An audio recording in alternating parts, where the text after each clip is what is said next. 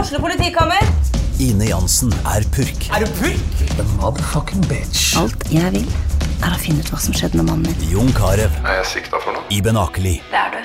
Ole So, Lars Berrum og Big Daddy Karsten. Hvem sin side er du på, egentlig? ja? Anette Hoff, Tone Danielsen, Kommer du fra Afrika?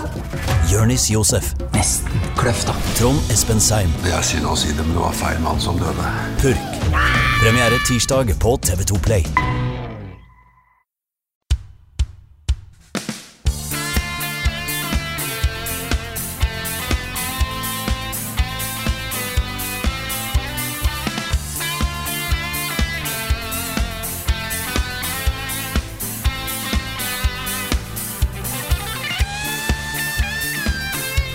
Der var vi tilbake igjen. Åh, etter et par uker med noen veldig flotte albumspesialer denne sommeren her, så er vi tilbake med vanlig podkast. For dere så har det jo kanskje vært som om vi aldri var vekke. Men for oss så begynner vi nesten, eh, blir jo nesten litt skummelt. Har vi, har vi fortsatt podkasting i oss når det plutselig har gått så mange uker uten? Ja, det er spørsmålet. Har vi, Ja. har vi liksom avlært oss å podcaste? You never know. Har vi mista, har vi mista our mojo? Forhåpentligvis ikke. Forhåpentligvis er energien på topp etter noen uker med avkobling. Rune Mm. har fortsatt litt ferie. Eh, det kan være at han dukker opp senere i podkasten. Da får vi se. Jeg er Frida Dammo. Med meg i dag har jeg Karl Martin Hogsnes og Jan Martin Svendsen. Hallo, folkens. Hello, hello. Hallo, hallo. Svendsen har kommet på kontoret i dag. Det Ja. har jeg. Har dere hatt en fin, eh, fin ferie, begge to? Ja. Det har vært, den har gått veldig fort. Ja. Jeg har hatt en veldig, veldig sånn avslappende ferie, for det- jeg merker når jeg, når jeg først tar ferie, så er det, jeg får litt sånn der eksistensiell krise. Man går når man har en sånn jobb som man er glad i, og som man er engasjert i, og, og sånn. Så tenker man jo mye på jobben hele tida. Ja. Og, og sliter kanskje litt med å skille jobb og fritid og sånn. Men når jeg skal ta ferie, så får jeg litt sånn derre Hvem er jeg nå? Hva gjør jeg nå? så de, den første uka så var jeg fortsatt litt sånn i jobbmodus. Og de siste par ukene så har det vært litt sånn derre Sånn, litt sånn mellomting. Men eh, det er veldig deilig å være tilbake. Jeg merka at jeg klødde litt etter å finne på noe nytt eh, sånn på level up-ting. Mm. Så vi, vi spilte jo inn en ganske sånn ny level up-ting i går. Det gjorde vi. Så det er bare til å glede seg til. Det var litt gøy å liksom sette i gang med noe litt sånn nytt igjen. Mm. Så um, det er- it's good to be back. It is good Good to to have be you back. back. Og nå kommer det snart nye ting på kanalen òg, så det er bare til å glede seg til. Kan være dere har fått vite litt mer om det innen denne podkasten her dropper. Det kan Mhm. hende. Mhm. Kan hende. Mhm. Stay tuned. Ja, nei, du eh, Svendsen, hvordan har eh, sommeren vært for deg? Jo, eh, den har jo egentlig vært ganske grei. Ehm, vi, eh, vi opplevde jo ikke i like stor grad den ekstreme hetebølgen som hadde herja Europa i, eh, i over lenge periode, men eh, når det begynte liksom å lukte på 35 gradene allikevel, da kjente jeg at nå, nå, nå, nå, hold- nå holder det faktisk. Og dere fikk det så varmt, ja? Det var, vi hadde Mm. Ja, et par ja, ja. dager med 32 i Trondheim, og da driver jeg og dør. Og så har vi, eh, har vi fått en ny nabo, eh, og han er egentlig helt grei. Fordi han, eh, han gjør ikke så mye ut av seg, han er ganske stille. Mm. Men nå har han fått for seg at han skal spille musikk til alle tider av døgnet. Og det kan Ah. begynne så tidlig som halv sju på morgenen. Med da høyttalerne eh, pekende ut mot verandaen, og Ja. spillende blæsende på full pupp der. Og det kan vare helt til elleve på kvelden, på Nei. ukedager. Det er så fint med gode naboer. Ja, det er så fint med folk som Jørgen sa det ganske fint, min nemlig romkamerat. Han bare satte seg ned til jobb, sukka han sånn ned på bordet, og så Jeg hater folk som tar så mye plass. Ja. Men det er noe med det. Jeg hater å være til bry. Ja, Eh, så mm, det er jeg, nettopp jeg, det. jo- jeg, liksom, jeg vil passe på at jeg ikke bruker så mye, jeg bruker så mye. Jeg har tenkt at det er veldig godt lydisolert i borettslaget vårt, for jeg har hørt Mhm. veldig lite lyd fra naboene. Eh, nå har vi fått eh, nye naboer som òg eh, er litt mer glad i å høre på høy musikk, så da merker vi at det, er Mm. ikke så, eh, det er ikke så veldig isolert her som jeg trodde. Så jeg tenker Nei. av og til litt på at noen av videoene jeg har spilt inn, da, skrik, da er det litt mye høy lyd, så jeg lurer på om det er jeg som er pesten og plagen i nabolaget. Mm. Eh, men den derre å bry andre med, med lyd eller ting som jeg gjør, da, da stresser meg. Jeg kan aldri ha på lyd på telefonen i offentligheten. Eh, Nei. når folk Nei, nei, nei. spiller av videoer og sånt, og musikk på, på, på, eh, på bussen, for eksempel. Det var Nylig så var det en, en kid som gikk forbi med høyttaler i sekken sin, som blæsta musikk. Jeg bare sånn, Ja, ja, ja.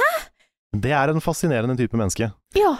Fordi jeg har opplevd det flere ganger i Oslo, og da er gjerne litt sånn, sånn danseband og sånn. Og Det, det, virker, det virker som de liksom prøver å skape en stemning på bussen, og så bare funker det ikke helt.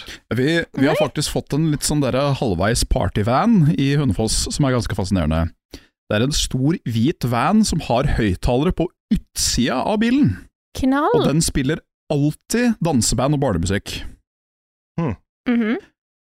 Eh, men eh, i den samme gang eh, gjeng som uh, offentlige høyttalere, jeg tror jeg har sett Altså, de som utførte handlingen, trodde nok de var kjempekule, men jeg tror kanskje det er det teiteste jeg har sett. Og det var to dudes som kom kjørende på sånn jeg vet ikke om de heter Blades eller hva det er for noe, det er den der plata med et hjul på hver side, Ja, ja, ja.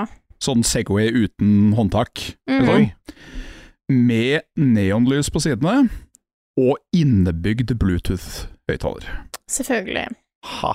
Så da kom liksom begge to bare sånn sakte kjørende nedover eh, Hønefossbrua, mens begge to synkront bare Yeah, that was kind of weird, but we're back in the club. Det var sånn mm. Det var Jeg husker Nei, det, det, det, jeg skjønner ikke at folk gjør dette. De, de var sikkert de kuleste folka i verden for hverandre.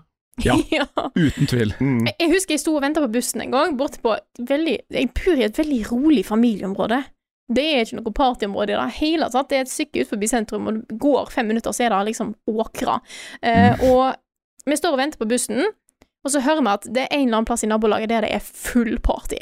Du hører bare dunk, dunk, dunk, Ja. dunk musikken, sant?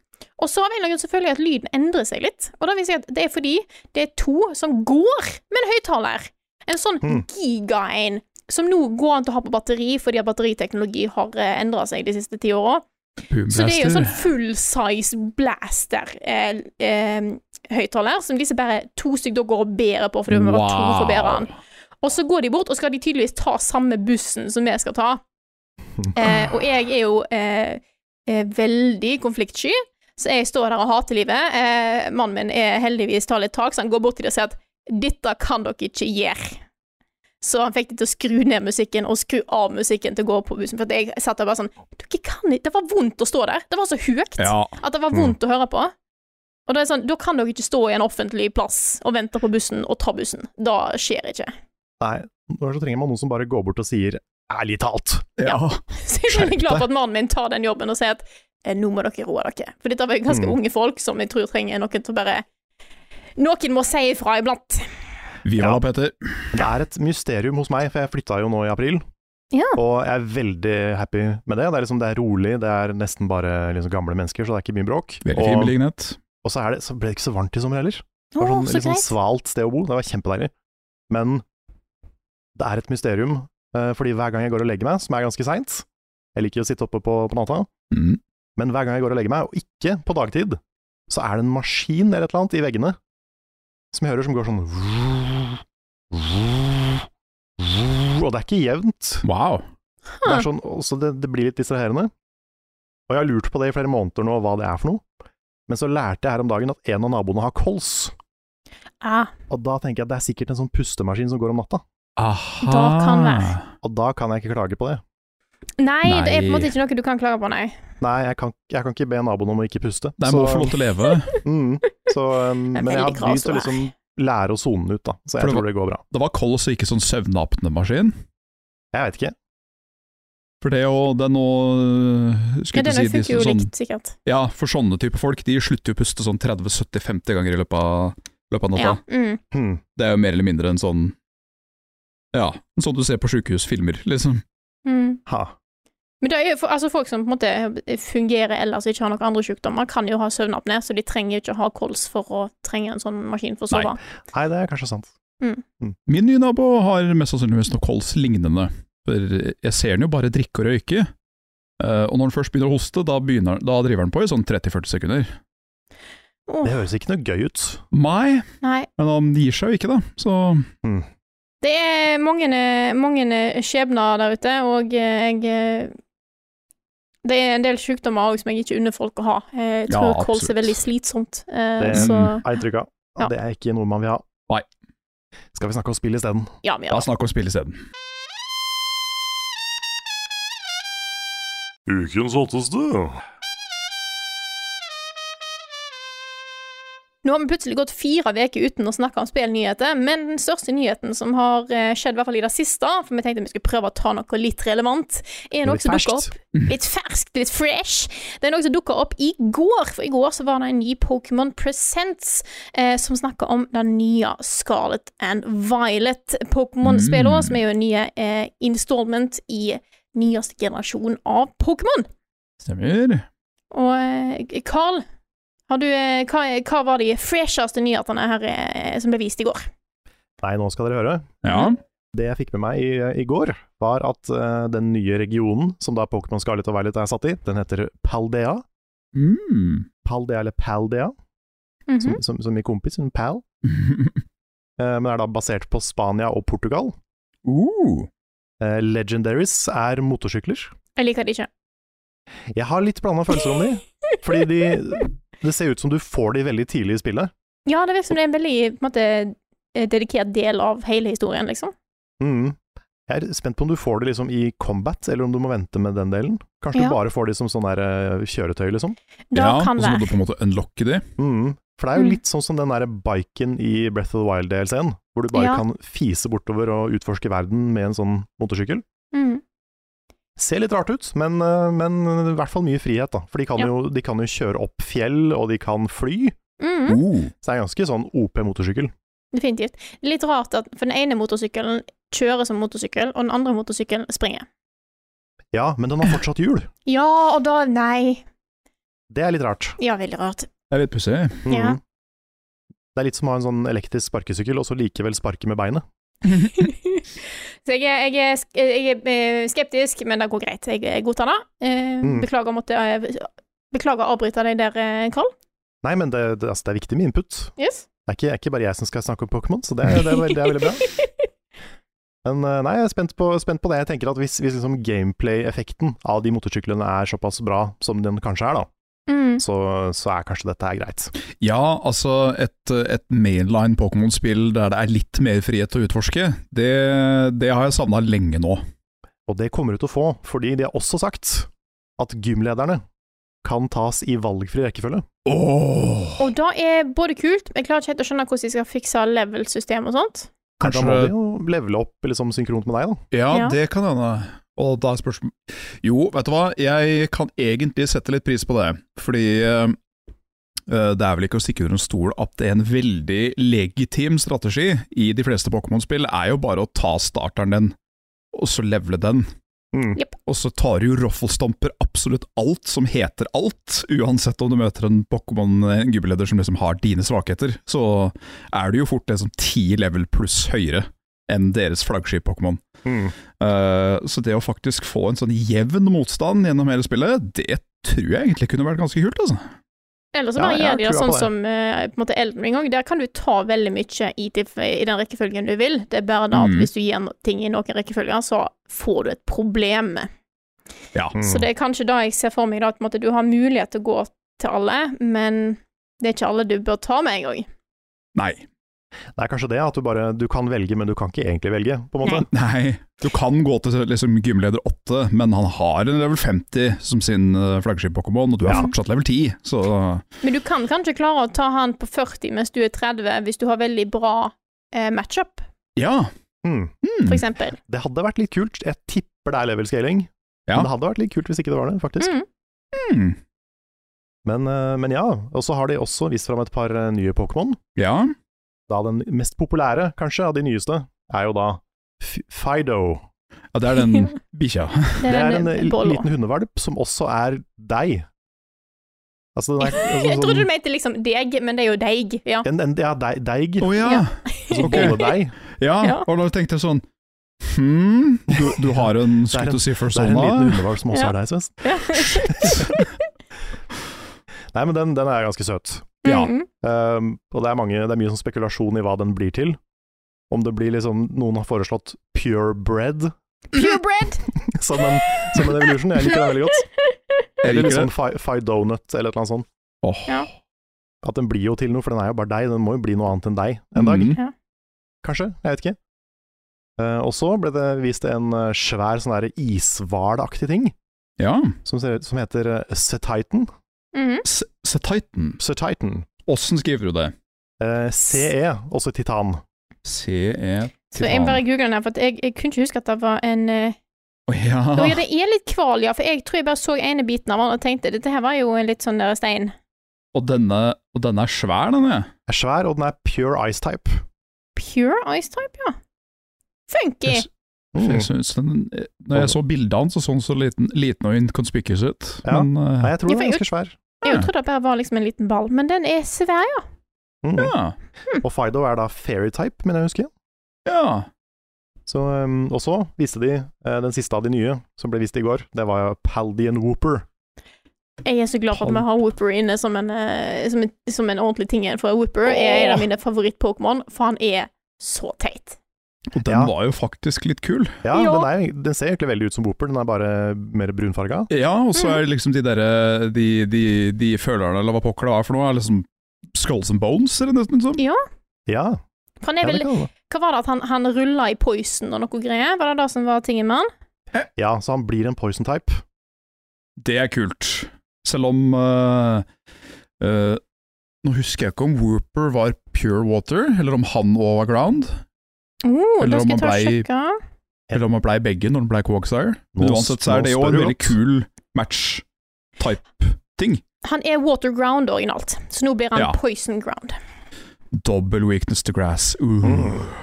Mhm, mhm. Vel kult. Jeg liker Jeg er litt fan av disse alternative formene av, eh, av slagere, skal jeg Ja. være helt ærlig. Samme her. Ja. Jeg synes eh, regional differences er sånn Det er kanskje min liksom, favoritt nye ting i Pokémon. Ja. Enig. Selv om noen, noen av de er litt hit and miss, skal jeg være helt ærlig, så syns jeg fortsatt konseptet er kult. Ja, Alorian Meowth. Persian er det verste jeg har sett. Ja, den Ja. er, den, den er så grell.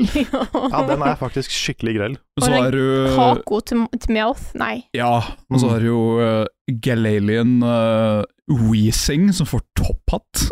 Ja! Ja, men den er litt kul igjen, syns Den jeg. er kul. Og så selvfølgelig eh, har vi jo igjen Ponyta, da. Den blir jo bare kjempepen. Ja, en sånn søt ponni. Ja, My Little, da blir den skikkelig My Little Pony. Mm. Men det Og funker. Jeg, ja.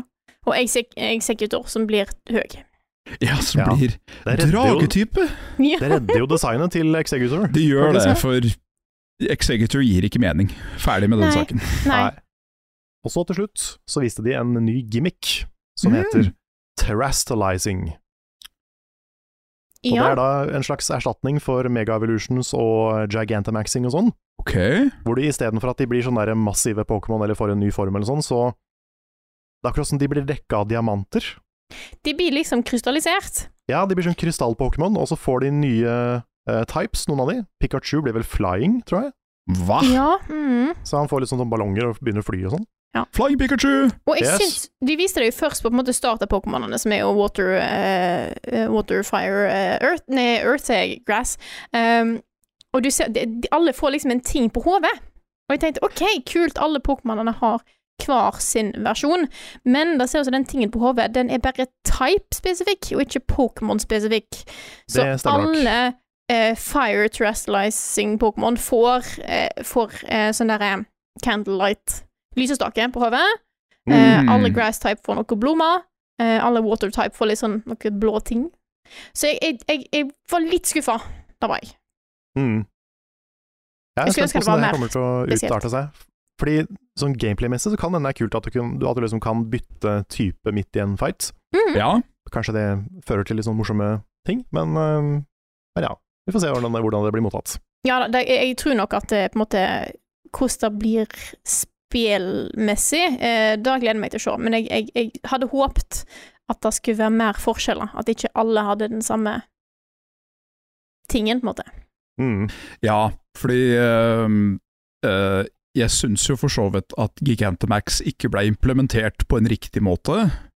Ehm, for, for en som meg, som skulle absolutt ha spesifikke typer og hele pakka, den grinden å måtte slåss mot Gigantamaxer med uansett hvor bra team du har, så bare er det jo som om du kaster småstein på et hus, det var sånn passe. Mm. Men jeg syns de unike formene som veldig mange av de Pokémon hadde, som for eksempel Machamp, han blir jo bare kjempeond.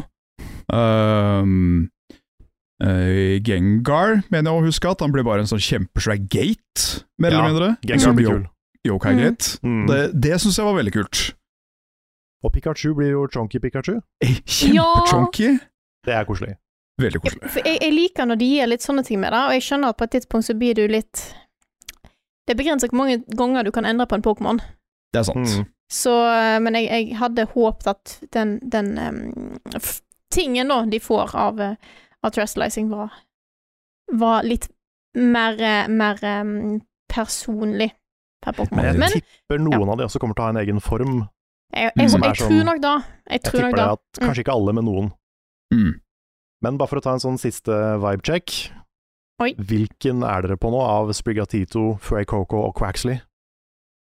Vet du hva, jeg må se det igjen. Jeg tror jeg fortsatt Altså, jeg var jo eh, veldig klar for Fu Coco lenge. Mhm. Jeg heller òg mot eh, Sprigatito, det har jeg gjort litt eh, her og der, men eh, jeg har ikke helt klart å bestemme meg mellom de to. For meg så handler det litt om eh, jeg, vil, sj- jeg vil at de skal være på bakken. Ja. Jeg vil ikke at de skal reise seg på to bein, nei. Nei, jeg vil ikke Hvis jeg er ene som plutselig blir something eh, fighter Mm. så, Det kommer nok til å skje. Ja, Mm. så jeg vil på en måte unngå det, da, hvis det er mening. Nei, jeg kommer nok til å velge Sprigatito, men jeg håper at den, blir, at den fortsetter å være søt. Ja, for jeg, jeg må jo si da, jeg syns alle, var veldig- alle var veldig fine. Mm. Eh, en gresskatt, det er vel en first faktisk innenfor pokéballen, Mm. så det er litt kult. Ja, det tror jeg. Og så syns jeg den der Anna har en veldig, veldig sassy ytre, og det, det er bonuspoeng for meg. Men den der lille røde, rare krokodilletingen, den eh, Det må nok bli den, altså. Den er, Den så er veldig søt. søt. Ja. Jeg var ikke sikker i starten, men den, den har vokst på meg. Ja, det er da altså, jeg, jeg, jeg, Men nå har jeg òg vokst med meg Altså Sprigatito òg syns jeg ser eh, koselig ut. Så jeg, jeg har Ja. ikke bestemt meg ennå. Jeg går jo veldig ofte for Fire. Um, Metoo. Ja, så det kan være at jeg må holde meg til det bare for, for the type reason.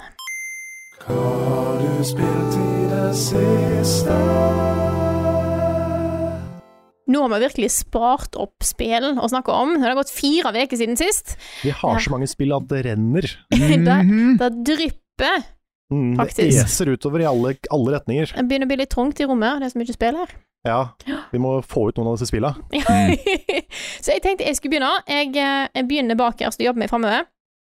Eh, Jeg har jo vært på ferie. Ofte når jeg er på sommerferie, så forsvinner eh, det blir det ikke tid til gaming. Jeg har gjort andre ting. Jeg har fiska, jeg har kost meg eh, som turist i Oslo. Jeg har gjort mye Åh. kos. Mm. Um, men Fiska jeg, på var, Hm? ordentlig, ikke i spill. Du har fiska på ordentlig. jeg fiska ordentlig. Jeg er veldig Mhm. glad i å fiske. Levela opp fiskinga si. Ja. Jeg har Yes. ikke fiska siden jeg var liten. Det er så gøy! Jeg har tenkt å kjøpe meg fiskesong, så jeg kan fiske mer her i Trondheim òg, faktisk. Bare så det er sagt. Men det er noe annet. Eh, Men jeg hadde noen kvelder til overs der jeg satt og tenkte Vet du hva, jeg har lyst til å ta opp et uh, kosespill. Jeg har med meg Switchen, så jeg eh, kjøpte og lasta ned da eh, Rayman Legends. eh, og Mm, begynte ja. på nytt på det, fordi det er en stund siden jeg spilte det. Jeg har ikke spilt det siden Wii U. Dette er oppfølgeren til Rayman Origins, som jeg er veldig glad i og har spilt flere ganger. Så jeg tenkte hm, jeg, sier, jo- jeg har jo fått for meg at jeg liker Origins best, men jeg har spilt Origins tre ganger og Legends én. Mm. Så jeg tenkte give it a go, og jeg har spilt eh, noen timer nå. Eh, koser meg veldig. Dette er jo et kjempebra spill. Et fantastisk 2D-plattformspill. Um, det har et par ting som jeg liker, eh, som det gjør veldig godt, men eh, jeg tror overall så er det fortsatt Origins er på plass. Det er et par ting her som er eh, litt mer på en måte tidlige som kommer gjennom, syns jeg. Eh, Mm. Men eh, disse her musikkverdenene er jo Verdenene Åh, er jo ja. amazing. Ha, er de begge to, eller er det bare Legends? Eh, den musikktimingbanene er kun i Legends. Ja, ok. ok. Mm. Den eh, Black Betty-banen, Ja. det er kanskje en av mine favorittbaner, bare sånn ever i et plattformspill. Den er så fin, og det er liksom Den er hver gang de det. sier «Dæven, det er», så tror jeg Ja. at alle fiender bare dukker inn opp fra alle sider av skjermen. Helt For nydelig. selvfølgelig, det, det er jo quote on quote lyrics, men de sier jo ingenting. Det er litt sånn Ja, Ja. Det må Så ha jeg- vært så mye jobb, og samtidig så gøy å lage. ja, herregud. fy fader. Så jeg, det, jeg, jeg spiller det mest for å komme gjennom og få tatt den siste musikkbanen, for den er jo helt insane. Mm. Eh, der er da plutselig skjermen min begynner å bli delt opp i flere biter og sånt. Eh, så jeg, den, ja, jeg gleder meg til å komme i dette, eh, så jeg får se om jeg får spilt litt når jeg har tid. Lekkert. Eh, og så har jeg fått begynt på Stray, men da skal jeg la deg eh, snakke mer om, eh, Carl. For at jeg satt nemlig, kom tilbake igjen fra ferien, og hadde fire dager før Xenoblade Chronicles 3 skulle komme ut. Og da hadde jeg valgt Mm. hva skal jeg bli ferdig med? Skal jeg spille igjen The Stray, eller skal jeg bli ferdig med Elden Ring? Og jeg visste ikke hvor lang tid det kom til å ta. Eh, jeg hadde jo litt grann igjen i Elden Ring. Jeg hadde jo da, jeg hadde Malekith, eh, eh, Melania og litt Div. Men nå har jeg tatt hele dritten! Grats! Åh, det var... Subarashi. Takk, takk. Eh, så for deg som har lurt på, kan du spille Elden Ring på og av i et halvt år, og det går fortsatt fint? Ja. Ikke Da noe gjør problem. Så Du eh, klarte det, vet jeg klarte det. Da jeg, jeg var jo litt støkk på Malekith og eh, Melania. Da jeg var visst Jeg var ikke helt i det levelet jeg burde være, eh, så jeg gikk og gjorde litt andre ting, eh, og innser Først så tenkte jeg sånn, faen må jeg gå og grinde etter runes. Men det er ikke nødvendig, for det var nok av ting å gjøre. Ta litt på andre bosser og gjøre ting som jeg ikke hadde fullført. Ta noen quests jeg ikke hadde fullført. Eh, og plutselig så var jeg level eh, 145, eh, og da gikk ting Nice. veldig greit. Eh, Så- Ikke for å la dette bli en uh, Elden Ring-stream, som det har en tendens til å bli, men hvem blei din personlige vanskeligste boss? Den vanskeligste Hvem Eh, satt du liksom lengst på? Jeg satt lengst med Melania. Mhm. Men jeg syns ikke den var den mest slitsomme. Ok. Eh, fordi at jeg følte at Melania var bare Melania er jo favorittfighten min, tror jeg. Å ja. Fordi at jeg syns hele den er så kul. Mhm. Eh, og selv om hun har noe drittangrep, så syns jeg hele designet er så bra. Det er så mye i Elden Ring som har jeg sier, Nå skal jeg ikke si at det er ikke tamt og fargeløst, det er ikke det jeg sier, men, men den arenaen som Melania har, med alle blomene og de sterke rød-oransje-gule fargene som òg dukker opp etter hvert, da, har, da er noe for seg, altså. Ehm, så jeg syns eh, på en måte den kombinasjonen gjorde han veldig komplett. Eh, jeg er veldig glad i eh, han her eh, Placidus X og alle disse her. Det er mye, mye kule fights, men jeg tror jeg har Melina som på en måte den beste totalpakken, da. Den som Mm. irriterte meg mest, var nok siste boss. Den syns jeg var slitsom. Eh, sp- eh, spesifikt den Siste ene boss. eller den andre? Spesifikt den siste. Ah. Ja. Jeg digger- Jeg, ikke at jeg ikke syns sånn Jeg syns fighten er- Jeg syns arenaen og selve bossen er kul, men jeg Selvsagt. var så lei av å springe. Ja. Å, fy fader, så lei jeg var av å springe. Og det der, det der plager meg litt med den bossen, fordi jeg får følelsen at det er veldig sånn terningkast hva slags bossfight man ender opp med å få på den siste. Mm. For Nick òg har ikke noe til overs i det hele tatt for Fordi nettopp han fleler for mye og hele pakka. Men jeg føler jeg liksom har fått litt sånn konsekvent rolige eh, boss, bossfights mot, eh, mot Det er vel lov til å si hva han heter? Ja, det er, Ja, ok, greit. det er såpass langt. Ja. Ja. Ellers så kan vi legge på en liten sånn dubri-pep-pep-pep. Ja. ja. Men ja, nei, han, øh, han har til og med blitt patcha for å gjøre, blitt gjøre mer konsekvent, men fortsatt så hører jeg at folk bare Mm. får aldri taken. Det, Og det er det Men at jeg, jeg jeg så- brukte så mye tid på å være liksom OK, du er der borte, ja. OK, spring, spring, spring, dodge, Ja. dodge, dodge, spring, spring, spring. Og så kom jeg bort og bare sånn I dag jeg nesten var inne forbi range, så slår han bare sånn Jepp, zoom til andre sida, og så er det på'n igjen. Og det, åh. Så det var litt da, da. Det var det som var slitsomt. Han var jo Ja, det ikke, forstår jeg. jeg gjorde mye damage. Det er bare det at jeg hadde en milebild. Sånn er det bare. Mm. Jeg hadde ikke så mye ranged. Jeg kjørte Bloodhounds Fang hele veien fra start til slutt. Jeg Mm. prøvde meg på litt andre våpen. Jeg har levela masse ting. Jeg har prøvd meg på whips. Jeg har prøvd meg på så at Jeg har prøvd på masse gøy. Men jeg innså jo bare at eh, Bloodhounds Fang bare funka for meg. ja, den er kjempebra. Og da jeg fant ut at du kunne putte For jeg trodde ikke du kunne putte incantations på sånne våpen. Å ja. Men da kan du. Så jeg bare liksom bare sånn Putta på litt fire, vet du, og bare smekka litt rundt. Åh, ja. Knall! Koste meg. Så eh, Så eh, det var Det var gøy å komme seg gjennom. Jeg eh, likte spillet veldig godt. Jeg er nok ikke helt eh, Sånn som jeg har sagt på andre Andre ting i FromSoft-sammenheng, jeg er ikke like frelst som dere.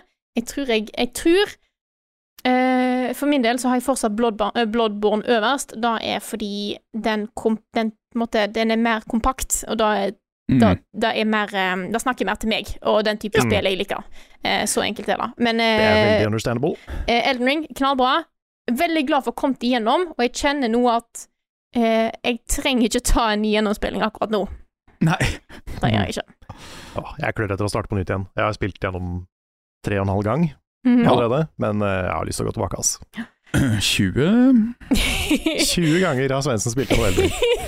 Og grunnen til at jeg ikke har tid til å ta det opp nå, er fordi at jeg har startet på et nytt gigantisk spill, som er jo Xenoblade Chronicles X, som Yes. kom ut for eh, ei ukes tid siden, er det ikke det?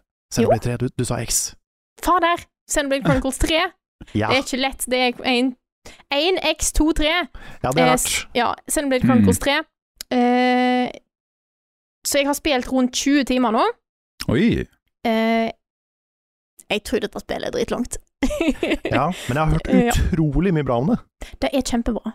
Det er, det er, det er fascinerende bra. Det tar kampsystemet fra eh, forrige- forgjengeren, nummer to, og baserer seg mye på det. Eh, JRPG-er har jo en tendens til å kaste på deg en vegg med informasjon og tutorials og system. Eh, Xenoblade Chronicles 3 har mye, eh, men jeg syns det er gjort i en veldig ordna, rolig, stegvis eh, måte. måte. Så du føler deg ikke helt overvelda. Du f- rekker å lære deg ting før han introduserer nye.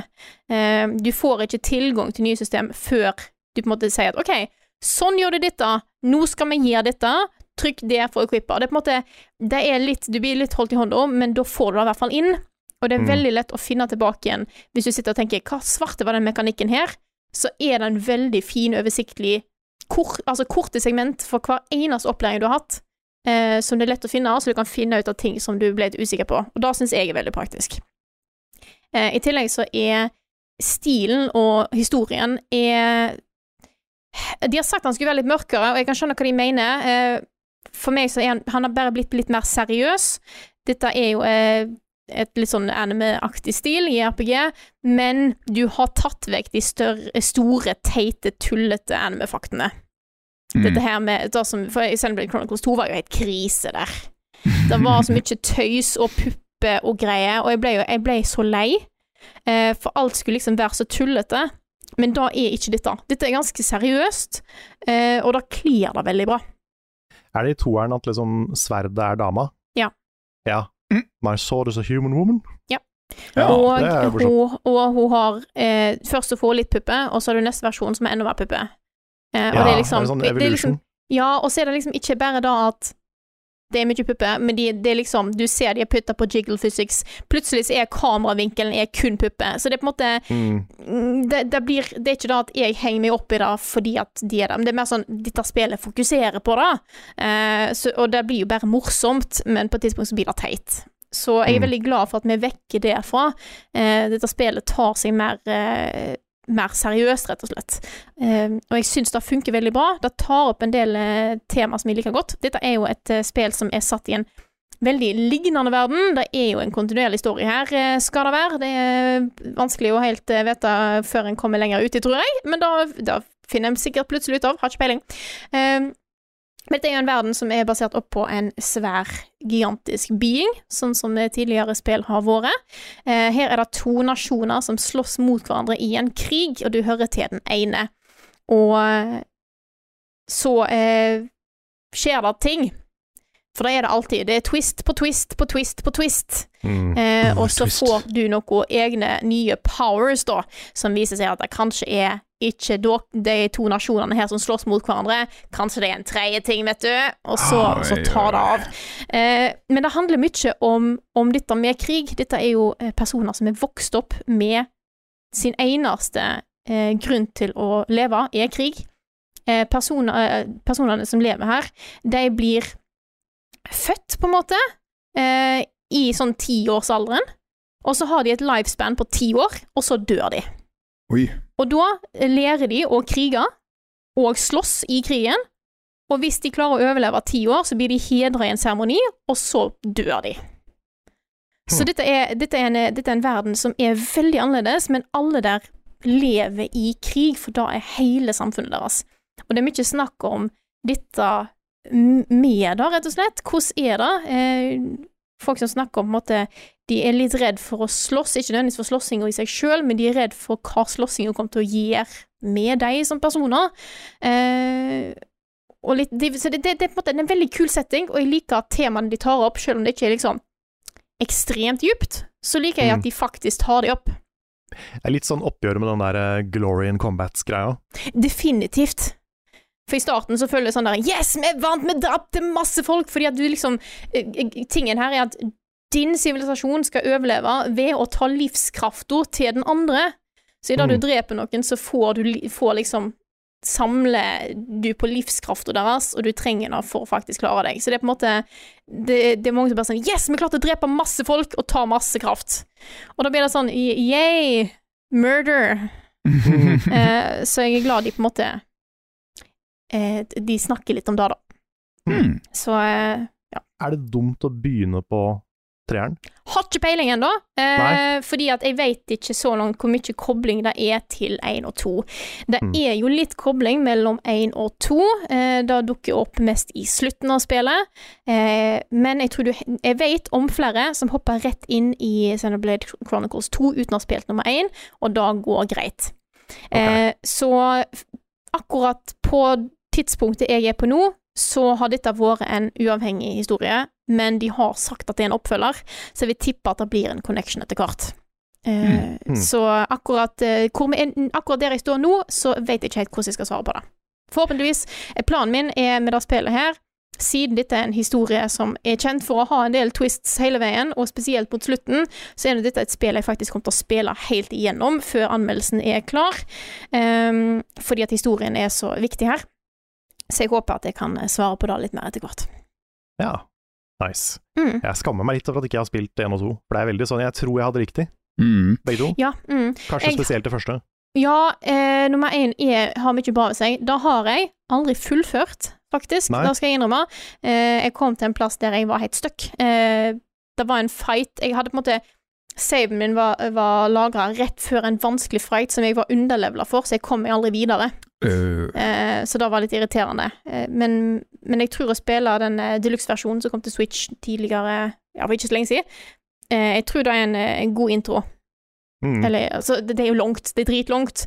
Eh, det har jo òg fått en DLC, som er, de har sagt er viktig for på en måte videre spill. Jeg har sett litt av den, så jeg har litt eh, innsikt der. De har sagt det kom en DLC til treeren, som kom til å være like lang som DLC-en som kom til toeren, som var dritlang.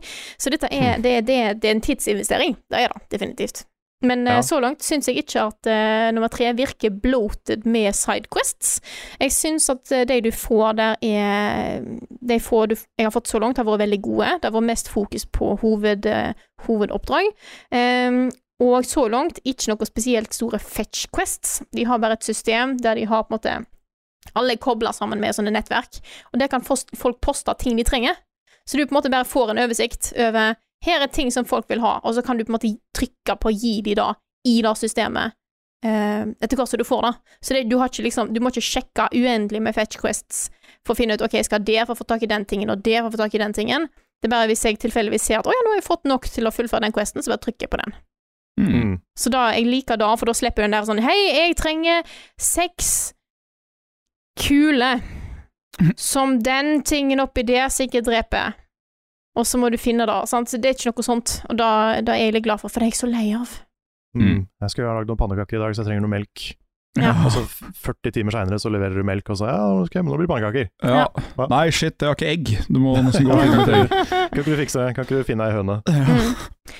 Men Så- eh, jeg, jeg lærte her om dagen at eh, det er en connection mellom Xenogears og Xenosaga og Xenoblade. Ja, Og det det er, jo visste ikke da, jeg før nå. Mm. det er jo en hel eh, ting, dette her. Så Mhm. der er, det kan ikke jeg så mye om, så det har ikke jeg satt meg så mye inn i, men det er jo den samme Det er noe greier her, det er jo det. Mm.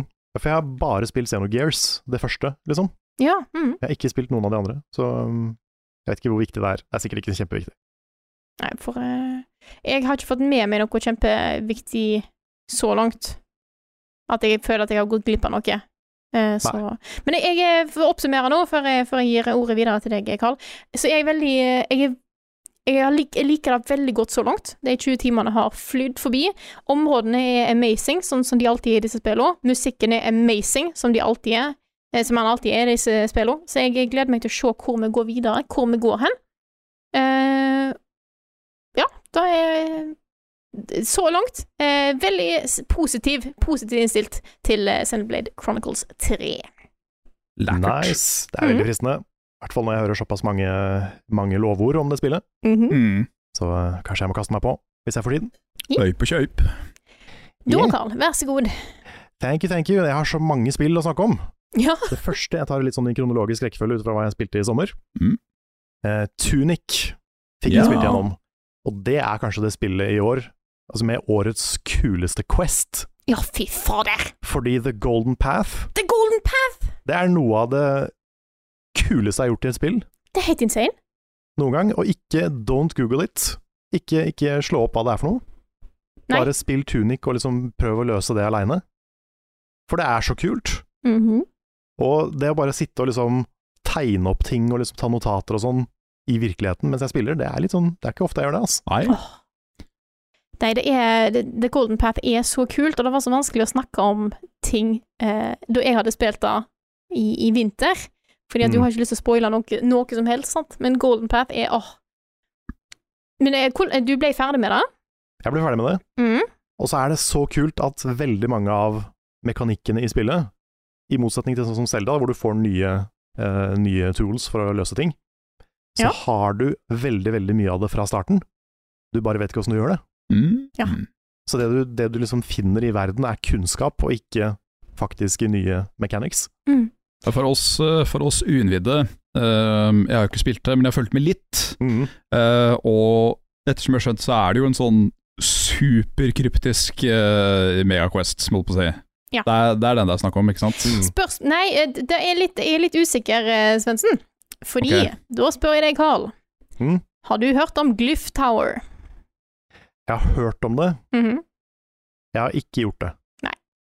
For det Jeg kan ga meg når jeg fikk true ending, på en måte. Ja. Fordi at eh, Glyph Tower har jeg gjort.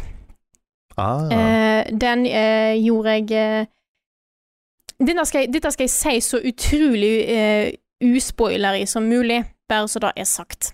Mhm. Ehm, for Golden Path er jo da, hvis du skal få true end, eller siste ending, så er det noe du trenger å gjøre. Glyph Tower er en ekstra quest som du kan gjøre i tillegg. Eh, den krever at du finner litt ting i verden, og så kommer du til en plass der du må helt klart eh, tolke noe eh, puzzles. Og den, denne puzzlen her, eh, den, er be- den Den krever språket i manualen. Ja, for det har jeg fått med meg. At Ja. du, kan liksom, du kan begynne å tyde For den manualen får du jo aldri liksom vite hva det står i, hvis ikke du lærer deg språket. Ja. For det er et skriftspråk som du faktisk må liksom oversette. Fordi du får et par hint bakerst i bukletten, så står det et par på en måte, symbol, og så står det et par ord. Mm. Så du kan begynne der, og så på en måte eh, jobbe deg bakover. Og jeg jobba meg ganske langt, eh, men til slutt så endte jeg opp med å finne alfabetet på nett, eh, bare for å finne ut hva jeg mangler. For det er jo ikke direkte én-til-én mellom engelske bokstaver og da språket. Eh, Det hadde vært har for en lett. egen- Det har det vært for lett, så det har en egen twist. Eh, så jeg tenkte jeg skulle høre om du hadde gjort Glyph Tower. Eh, det er en kul ting. Eh, Mm. s- og, I have not. nei, og, og hoppe ned i helt mot slutten, men eh, mot slutten der så er ting så komplekst at der eh, gikk jeg heller inn på en subreddit eh, for Tunic med, den, med disse questene her, og så og prøvde å følge utviklerne hvordan folk har funnet ut av ting, for dette her er komplekse greier som jeg aldri hadde klart på egen hånd. Jeg har vurdert om jeg skulle lage en video om på en måte, alle tingene som Tunic gjemmer, for det er ganske insane. Eh, men eh, det var kult å ha gjort, men eh, jeg, jeg tror nok med å ha tatt Golden Path, så har du fått eh, en, eh, den solide tunic-opplevelsen. Mm. Jeg kan gå videre til neste spill, Yes. for Mhm. jeg har også eh, sittet i mange, mange mange timer i sommer og spilt eh, Monster Hunter Rise Sunbreak, Ja, jeg Ja. som er den eh, nye expansion til eh, Rise. har hørt mye bra om. Ja, den er veldig bra. Det er jo egentlig først og fremst mer Monster Hunter Rise. Ja. Litt sånn som Iceborne var til World. Men eh, det er nok også mye av det beste eh, contentet til spillet. Jeg liker veldig godt det er, det er ganske mange nye monstre, og noen gamle fra liksom tidligere spill og sånn. Men det en ting jeg kanskje ikke liker så godt, er at de tok, de tok seg veldig god tid i starten med å introdusere de nye. Du Mm. Ah, må på en måte spille gjennom en sånn campaign hvor du slåss mot basically alle de gamle før du kommer til de nye. Ok. Så det tok litt tid. Det var litt sånn, litt sånn dri- drip-feed av nye ting. Men eh, når du kommer i gang, når du kommer over den kneika, så er det ganske fett.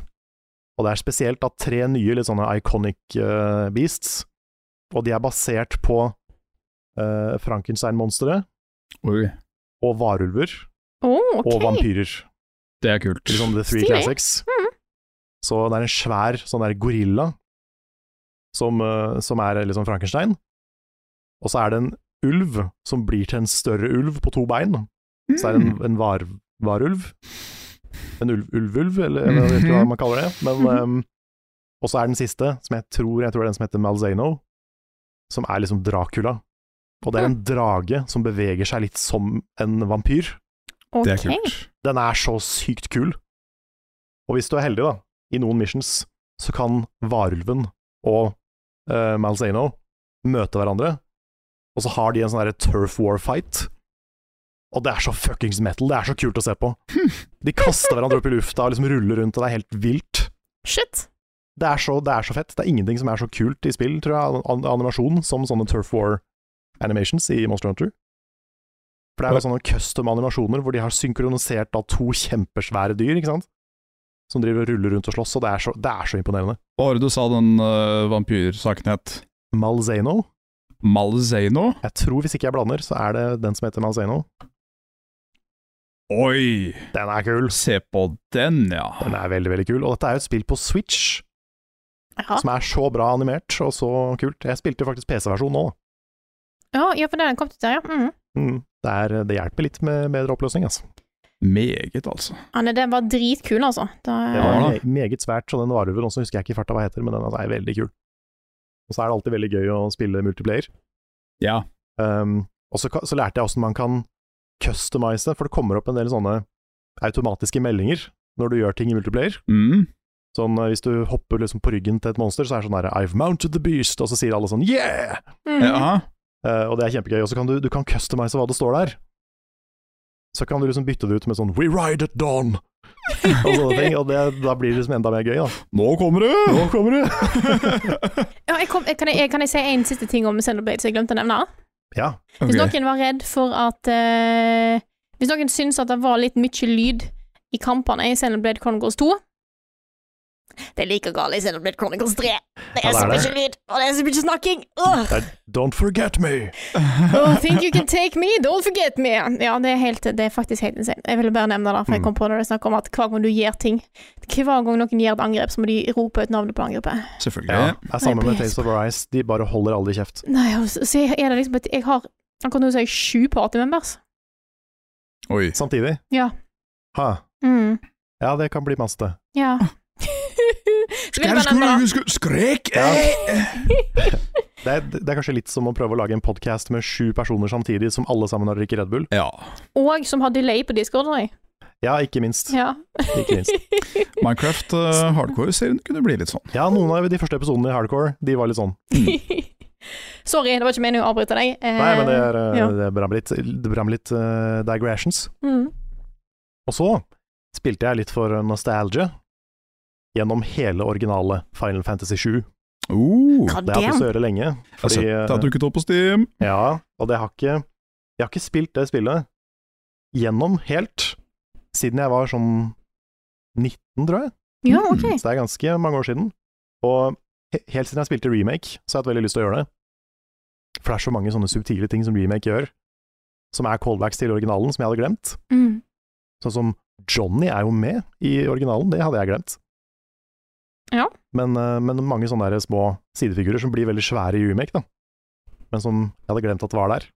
Og The Mayor of Midgar og sånn. Mm. Det er sånn. Han trodde jeg bare var helt ny når jeg spilte remake, men han var jo der. Det var veldig kult å spille, eh, spille original rett etter å spille remake, som jeg gjorde. Det var Mm.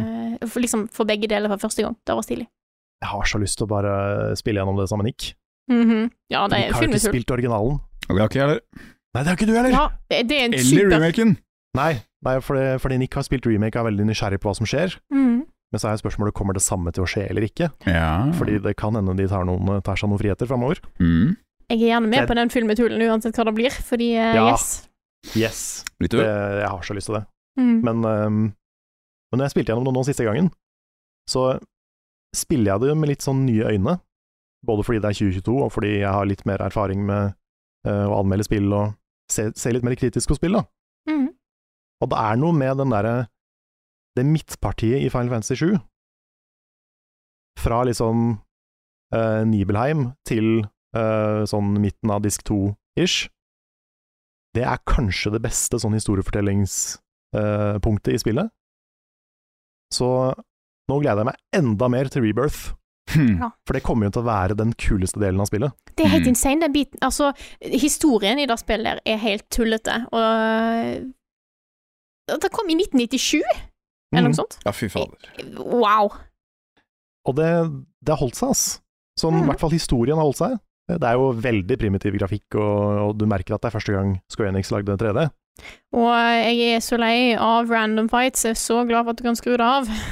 Ja, det er ganske mange random battles også. Men, eh, men sånn historiefortellinga og alt det der, har de liksom vært De var så flinke så tidlig. Mm. Og det at jeg sitter liksom og spiller i 2022 et spill som jeg har som jeg, jeg vet jo hva som skjer, men likevel så er jeg sånn Jeg sitter og er sånn, Jeg s- sitter i sånn sitrer av spenning, for det er sånn Å, nå kommer jeg snart til den delen! Ja. Og det kommer til å bli så kult, og det er så spennende, og er det så kult som jeg husker? Og så var det det. Mm. Så jeg skjønner at det Nå er jeg Final Fantasy 9-mann, men jeg skjønner at sjueren har den posisjonen som det har, da. Fordi god damn, det er mye kult i den historien, altså. Mm. Jeg er litt spent på hvordan de skal gjøre del tre i remake, for det er ikke fullt Jeg syns ikke den delen av historien er fullt så spennende. Det Nei. er litt mer sånn direkte nå, nå skal vi get strong og kick ass, på en måte. Mm. Men, eh, men del to kommer til å bli helt eh, amazing, altså. Ja, fy fader. Så det har vært eh, kjempegøy. Så har jeg to spill til som jeg har lyst til å trekke fram. Kjør på. Eh, Det første er Stray, som jeg har spilt gjennom, Stegay. som Frida var inne på i stad. Mhm. Mm. Pusjekart. Jeg, var liksom, jeg var forberedt på at det kom til å være et veldig sånn stemningsfullt, kult spill med en veldig søt push. Jeg var ikke forberedt på at det skulle være så skummelt. jeg tror ikke jeg har kommet til den skumle biten ennå, så jeg er veldig Mm. spent Det har du på ikke. den biten. Mhm. Jeg Her, hvis hadde du hadde en- kommet hit, så hadde du visst det. Ja, jeg tror nok jeg òg. Så, eh, men jeg satt jo og spilte det sammen med kjæresten min og eh, Charlotte, Nonscope Charlotte, Mm. og de har jo katter begge to. ja. Ja. Og vanligvis så er det jeg som er pysa når det kommer til skrekkspill, men, men på dem så da kicka det morsinstinktet så hardt inn at de hadde det vondt da vi satt og spilte Stray. Wow. Jeg er veldig spent på den biten her, jeg er da, etter at du nevnte, etter at du nevnte dette her, altså. Eh, Så så det er ikke noe, bare sånn, Hvis noen blir bekymra nå, så er ikke- det er ikke noe sånn graphic vold mot, mot en søt pus i det spillet her. Nei, det er da det får ikke. det ikke lov til, faktisk. Nei, det, og det er det ikke. Og det er jeg veldig, veldig glad for. Men, eh, men det er skummelt, og det går til ganske sånne mørke, dystre steder. Kult. Men eh, også en ganske sånn kul historie om de robotene og den, den verden her, da. Hva, Ja, hva for som den egentlig verden. har skjedd og Verden virker dritkul. mm. Den er utrolig stilig lagd. Det er en del som minner meg litt om sånn Half-Life-type historiefortelling og litt sånn, sånne type ting, da. Så um, veldig, veldig stilig. Veldig verdt å spille. Eh, Spesielt hvis du er glad i katter, men uansett. Mm. Og hvis ikke du er glad i katter, hva- what's wrong with you? Så rang ut, ja. What's wrong with you? Harde, harde meldinger her fra level, up, eh, level backup i dag, altså. Ja, what's not to love, liksom. Men det siste spillet, som jeg ikke har eh, spilt gjennom, men som jeg har begynt på, Mm. det er et spill som jeg ikke visste hvordan- hvordan jeg skulle uttale, men jeg tror det er Live Alive. Ja, level, level, ja. Live Live, live. Level, level. Gjerne med litt sånn eh, australsk aksent. Live Ja, Alive. for jeg hadde liksom, tro- er det live live, eller live alive, eller eh, Jeg tror det er Live Alive, Ja. Eh, men det er jo da et, um, et, li- en litt sånn missing link i JRPG-historien for alle som ikke bor i Japan. Det spillet her kom jo ut eh, bare i Japan, på Super Nintendo. Mm. OK. Og det, har, og det har nå fått en remake på Switch, som er da litt sånn i gata med Octopath Traveler, det ligner veldig på det. Ja. Var også veldig lik oppbygning som det. For det er, du velger i starten av spillet mellom åtte, jeg tror det er åtte, husker ikke, men et sett med figurer, og så har de hver sin lille minihistorie, som er et lite spill. Og hva som skjer etterpå, vet jeg ikke, det kan hende det er det, men eh, mistenker jo kanskje at de kommer sammen på en eller annen måte til slutt, da. Mm. Men de er jo satt i forskjellige tidsperioder, så hvordan de skal gjøre det, er jeg litt sånn spent på. Men eh, jeg har bare spilt to av de. Den første var Modern Day, som jeg spilte. Og det var en sånn derre En liten sånn mini sånn fighting-story, som var veldig basert på st- Street Fighter. Og Mm. det var bygd opp som et Street Fighter-spill, liksom, bare med en litt sånn eh, tactical eh, turn-based combat. Hmm. Det var veldig kult. Det var dritkul musikk. Og Ja, det har liksom jeg ikke, ikke for mye dialog, ikke for mye sånn mas. Den var liksom bare rett på sak. Nå skal du spille Street Fighter JRPG, liksom. Og slåss mot sånne kule, morsomme figurer. En som er veldig basert på Hulk Hogan, Alt mulig veldig sånn Street Fighter-callbacks og, og sånne ting. da. Hmm. Fantastisk. Eh, og den neste jeg har spilt, er Prehistory, som er eh, steinalderen, som ikke har noe dialog i det hele tatt. Det er liksom bare sånn gryntelyder, og og det er sånn de, sånn de framfører historien. Og den syns jeg er litt teit. Ok, Ja. Der er det veldig mye sånn der eh, dårlig slapstick og eh, litt sånn dårlige fart jokes, så jeg, jeg kan sette pris på en god fis, selvfølgelig. men det er ikke så morsomme fiser heller. Å, Å, nei. Ah, nei, Det er, det liksom, var det er jo litt sånn kjipt. dårlig fis. Så Mm. um, jeg, jeg er litt, litt skuffa over den, men jeg tror jeg har litt høyere forventninger til de andre. Ja. Så jeg gleder meg til jeg er ferdig med steinalderen, sånn at jeg kan gå på en av de andre. Men eh, det er lovende så langt. Dette er jo liksom regissøren til Kronotrigger, tror jeg. Ja. Spillet, spillet han lagde før Kronotrigger. Musikk av Yoko Shimomura, som er Kingdom Hearts-komponisten. Og så er det jo musikken i det spillet her, var jo det som inspirerte Toby Fox. Ja. Så um, føler jeg liksom at her, her er det sånn linjer som kan trekkes til ganske mye kult, da. Visstnok så skal det være en figur i spillet som heter Akira Toriyamo, eller noe sånt. ja. Ha, Det er eh, litt on the nose. litt on the nose, han er ikke med på nå. Da skal jeg I, I will keep a lookout. Eh, har du fått vite navnet slash tittelen til bad guyen i spillet? Eh, bare han første. Ja? Odie. Ok, greit. Odie O'Bright heter han første. For det er eh, liksom the big bad. Nå, nå skal på en måte spillet være litt unnskyldt òg, siden det er såpass lenge siden, men en enklere vei til uh, tittelen på et bad guy, det skal du ikke eh, trenge å lete lenger etter. Hmm. Det er vel noe sånt som liksom the evil guy i, i, den, eh, i den gate. Hvis de topper Black Doom fra Shadow the Hedgehog, så blir jeg Ja. imponert. Mm. Black Doom eller Dark Lord eller noe sånt. Ja. Mm. Evil Evilson. Yes! Men ja, det, det var meg, så da kan du eh, ta siste, eh, siste chunk, Svens. Ja, eh, det blir ikke en chunk, det blir ganske bite-size. eh, For det er, det er noen gjengangere, og som per usual så skal jeg nevne Vampire Survivors. Jeg Gjør alltid det når jeg er på podkast. Ja, Hmm. Nå er spillet ferdig. ja det er det. Yes.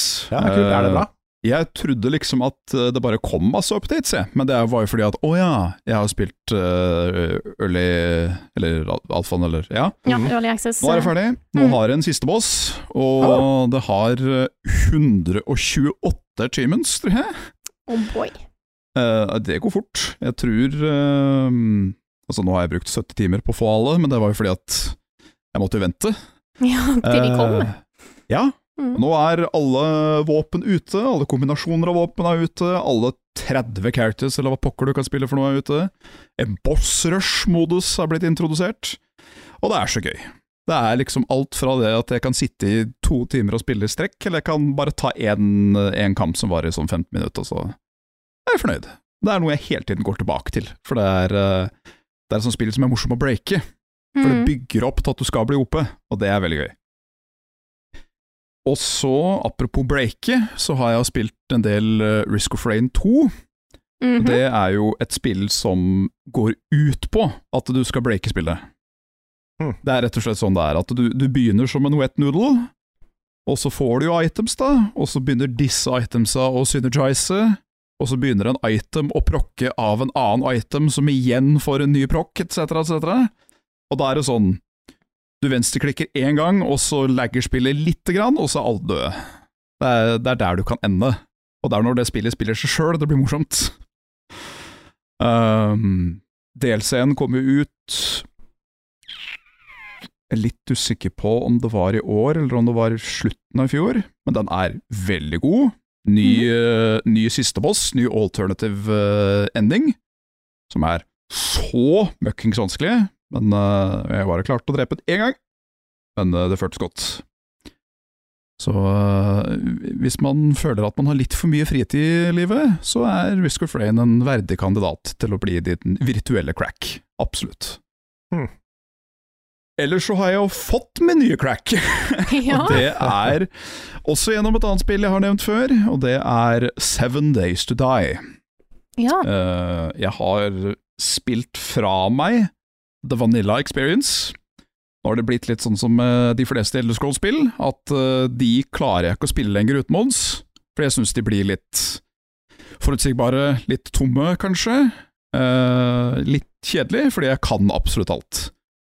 Men så har jeg funnet ut at hver Det er sånn fire eller fem total conversion mods, som det heter, som mer eller mindre forandrer spillet, hvordan det spilles, ned til grunnpilaren. Det er fortsatt å kjenne igjen, men du trenger nye ressurser for å lage ting, eh, helt nye tiers av byggematerialer for eksempel, nye våpen, masse nye vehicles. Og det er, eh, det er vanskelig å putte det ned når en først setter i gang en session, for da tenker jeg sånn, ja ja, vi spiller en time, og så Klokka var halv fire på natta, ja ok, greit. Jeg har ikke spist ennå, Ja, sånn er shit. det, sånn er det fort. Der Er det? happens. Mm. Kjenner til det. Jeg har noen, jeg har noen eh, streamingplaner for det i, eh, in das future. Nice. Um, her, eh, her er eh, muligheter for shenanigans med flere av eh, redaksjonsmedlemmene, så det skal jeg aggressivt pushe når den tida kommer.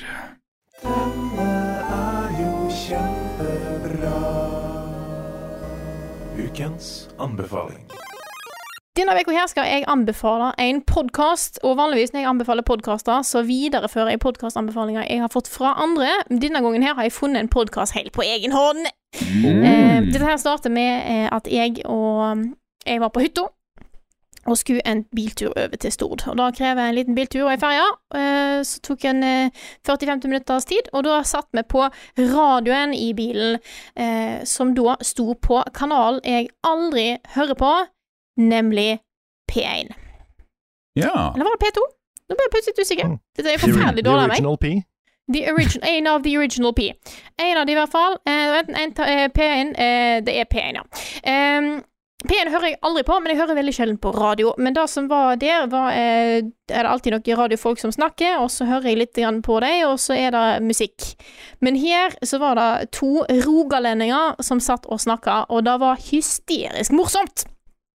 Jeg har nemlig havna inn på programmet, radioprogrammet Utakt med Per Øystein Kvinnesland og Bjørn Olav Skjæveland, som er to godt voksne rogalendinger som bare sitter og snakker skit og har festlige eh, spalter i sitt radioprogram, som òg ligger ute som podkast. Eh, så dette her eh, Jeg måtte sjekke ut mer av dette her, eh, fordi vi satt og hørte nesten Vi hørte en time av dette her og syntes det var kjempegøy, og nå ha, hvis du liker dette, har du nok å ta av, for det viser seg at det er 13 sesonger. De har l- gått over 800 episoder. Vi har litt å ta igjen, altså. Wow. Ja, da er det litt av Eh, veien. s- Så jeg tenkte Fuck it, jeg bare begynner på januar i år. Eh, Jeg har nå jobba meg fra januar til mai. eh, og har, eh, har brutt ut i latter eh, i både Tr- eh, Trondheim sentrum og på buss. eh, for dette her er hysterisk morsomt. De har spalter som blant De tester, de tester cola, blant annet. Eh, de har testa over 350, snart 350 ulike typer cola fra verden over. Oi. Eh, de har en, eh, en humorinnslag der det er en som han, er en, han som er eh, fra Stavanger, han later som han er en smurf. Eh, så de har på sånn vringer stemme, og han er helt koko, det er kjempegøy. Så henter de inn en som er allmennlærer og har eh, så en, Ja. Eh, Olav Hove eh, henter de inn som er ekstraspaltist som finner fram kule fun facts fra verden over, blant annet. Det var et segment som handler om hvor strømmen har gått i USA, og at det finnes statistikk på det. Eh, blant annet at, kom, at det ekorn driver og tar, eh, tar strømmen hele tida. Det er vanskelig å oppsummere veldig kort her, men det er utrolig, utrolig gøy, fordi de har så mye humoristiske og sære og gøye ting, og jeg føler jeg lærer nye ting hele tida.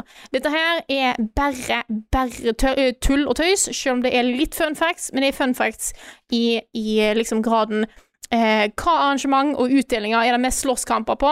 Viser jeg at da er, er det er en ut, egen utdeling for eh, f- for hockeysveis eh, i USA. Det har er det visst vært mest eh, slåsskamper. Det er litt sånne ting. Bare teit, veldig gøy. Sjekk ut Utakt. Det går på P1. Jeg tror det går mellom 10 og 12 på mandagskvelden, men det ligger òg ute som podkast. Eh, det er veldig gøy. Ta og Sjekk det ut. Hvis du har lyst på noe gøy å høre på. Eh, it's, it's real fun. Her kommer Neder med Karl. Og han har hår. Vi begynner nyhetsspalten med noen eh, juicy rumors. Mm. som det er ganske mye hold i, da, fordi dette er jo eh, Bloomberg og Jason Schreier, som er eh, på en måte Han er liksom hele spillindustriens nyhetsdaddy. Han bare får alle scoopsa, og han vet, eh, han vet hva som skjer.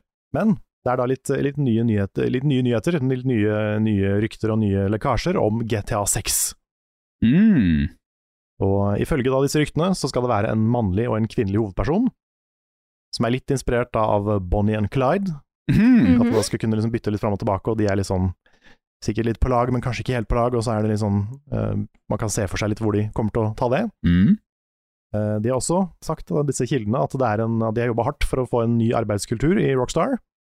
At det ikke lenger er eh, den samme mordercrunchen som det var under Red Dead 2. Det er bra. Lov å Så det er håpe. bra.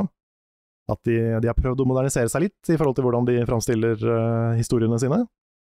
Så man merka jo egentlig det allerede litt i Red Dead 2, at eh, dette var et, på en måte litt mer voksen historie. Ikke fullt så mye sånn edgy tull og tøys. Nei.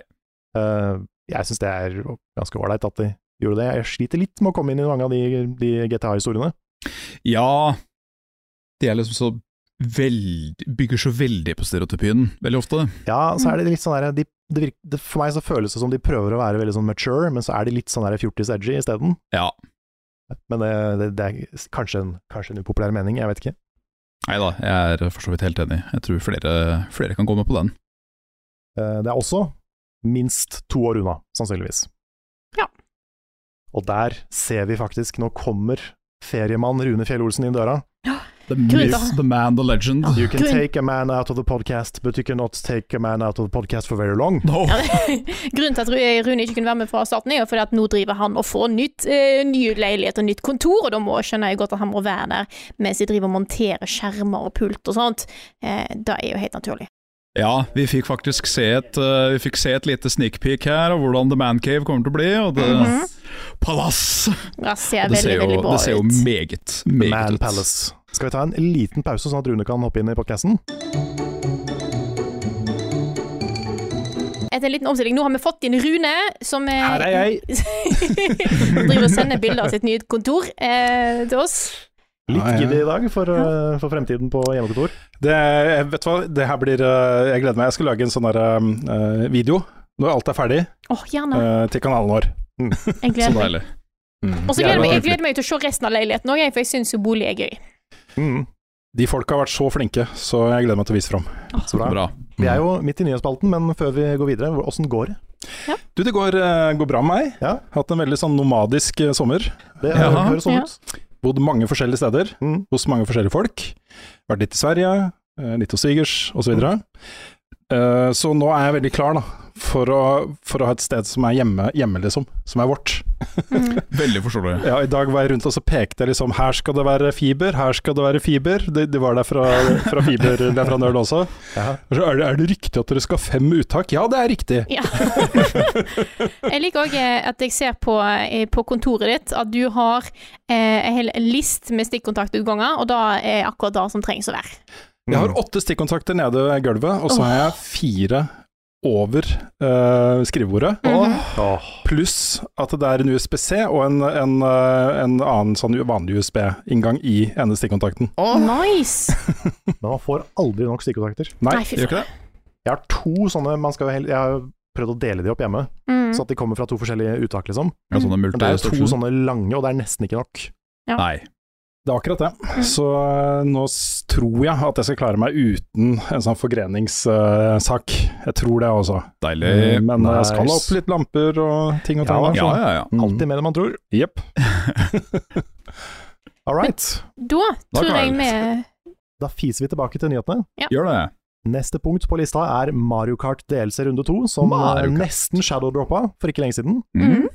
Har jo da fire nye baner til Mario Kart 8 på Switch. Dette er Tour Sydney Sprint fra Mario Kart Tour.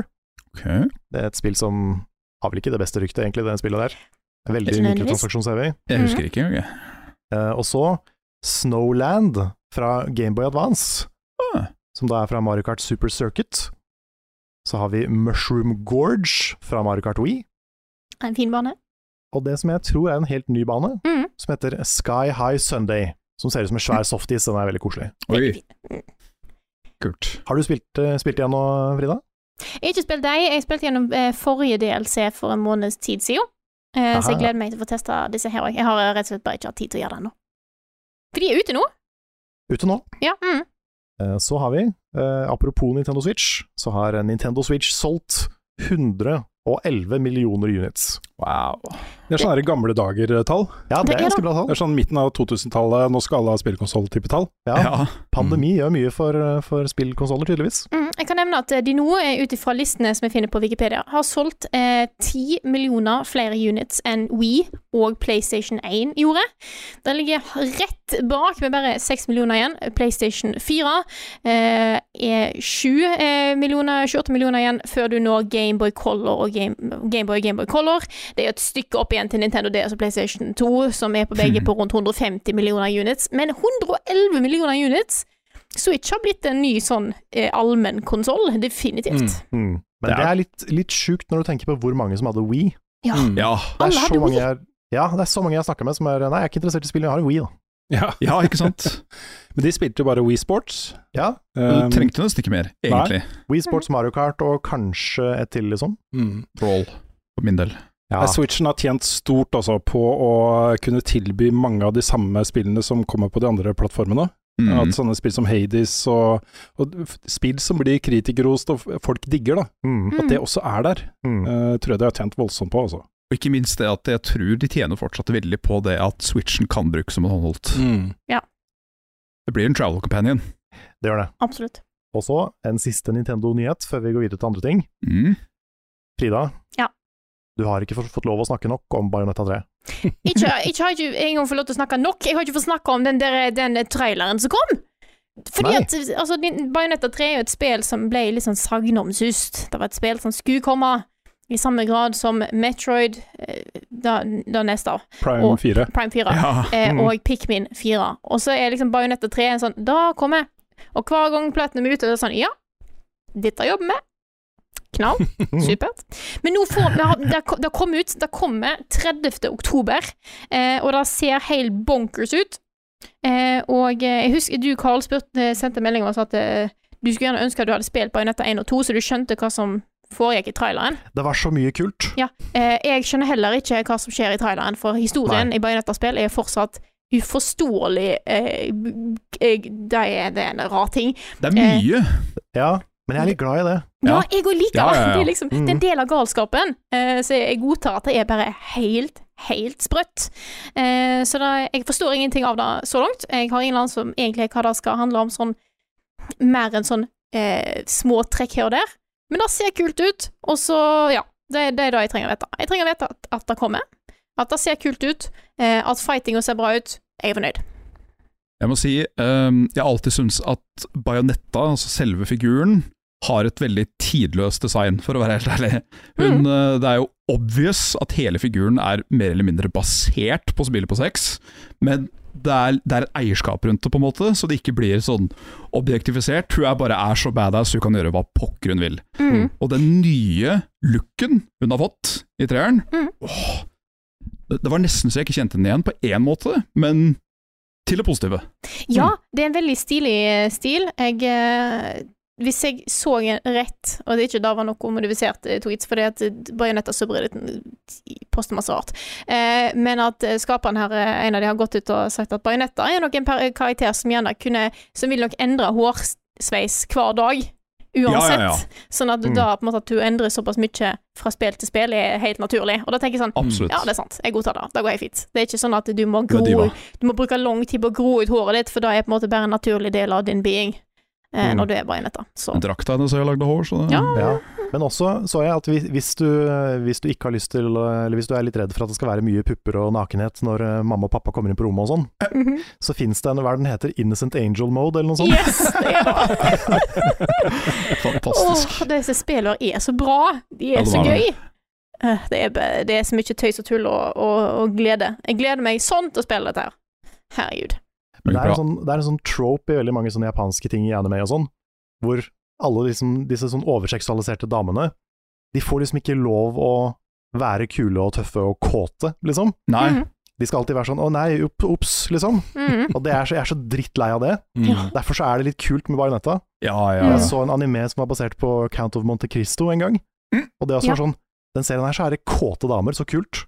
Mm. ja, ja, Jeg ja. digger det. Da er jeg fornøyd med å snakke om bajonetta, forresten. For now. Gled dere til oktober, folkens. Da tar det av. Gleder meg. Mhm. Det blir gøy. Det blir gøy. Da går vi videre til eh, det ikke-kontroversielle selskapet Activision Blizzard, Ja. Hæ? som de siste årene tydeligvis har jobbet med et World of Warcraft spin-off-spill.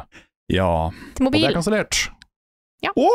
Ja, på mobil, det er kansellert. Er det Så kansellert det nå? kommer ikke. Nei. Håper ikke noen gleda seg. Fordi ja, de, hadde, de var ikke helt enige med den utvik kinesiske utvikleren eller et eller annet, var det det jeg Nei, leste? det, det stemmer. Var det Nettis. nettis? Nettis, ja. Ja. Det har visst eh, oppstått, da, ifølge ryktene, litt eh, krøll på båndet mellom- i i samarbeidet da, mellom Blizzard og, og Nettis Mm. Ja. i forbindelse med eh, Diablo Immortal eh, eh, launch-problemer og sånne ting. Eh, Riktig. så mm, jeg tror det er eh, litt eh, krøll der.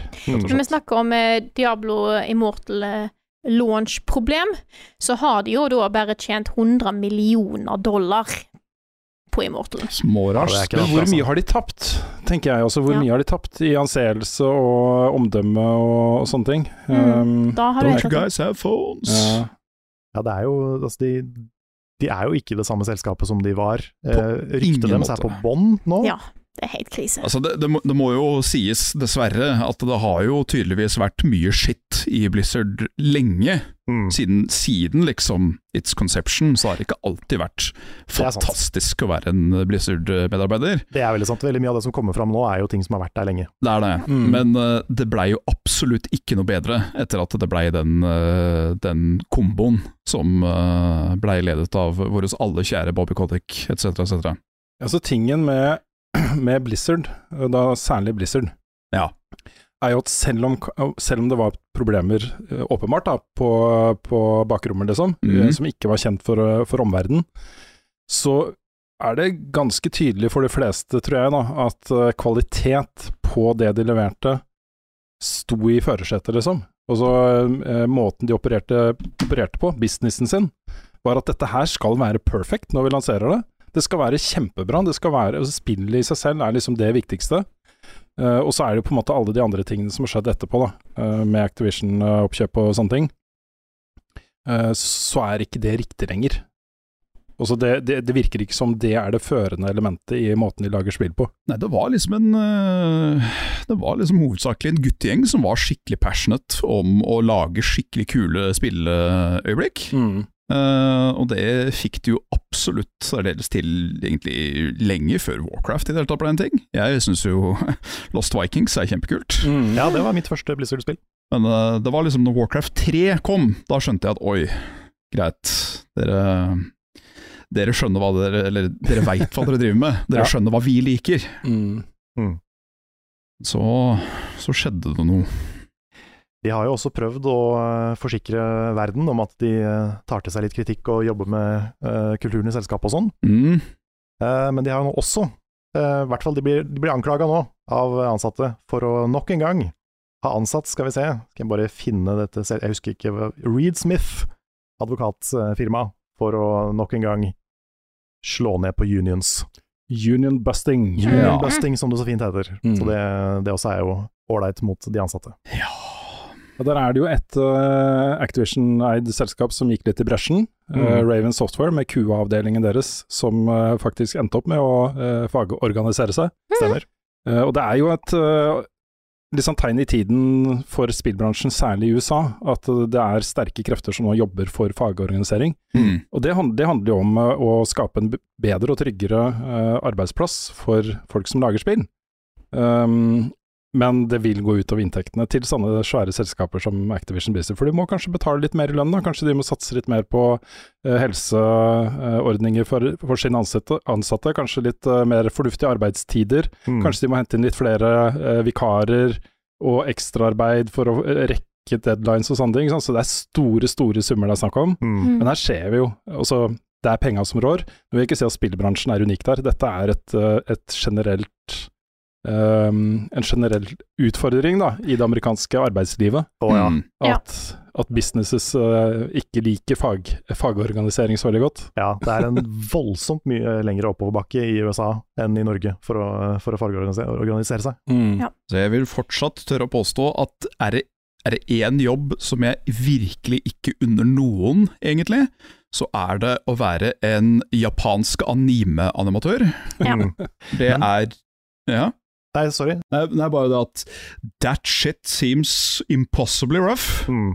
Eh, men den crunchen som gjerne må til i de aller fleste tilfeller i litt sånn høyere, større produksjoner av, eh, av eh, spill, gjerne i EA og alt det der, nei takk, det unner jeg heller ingen.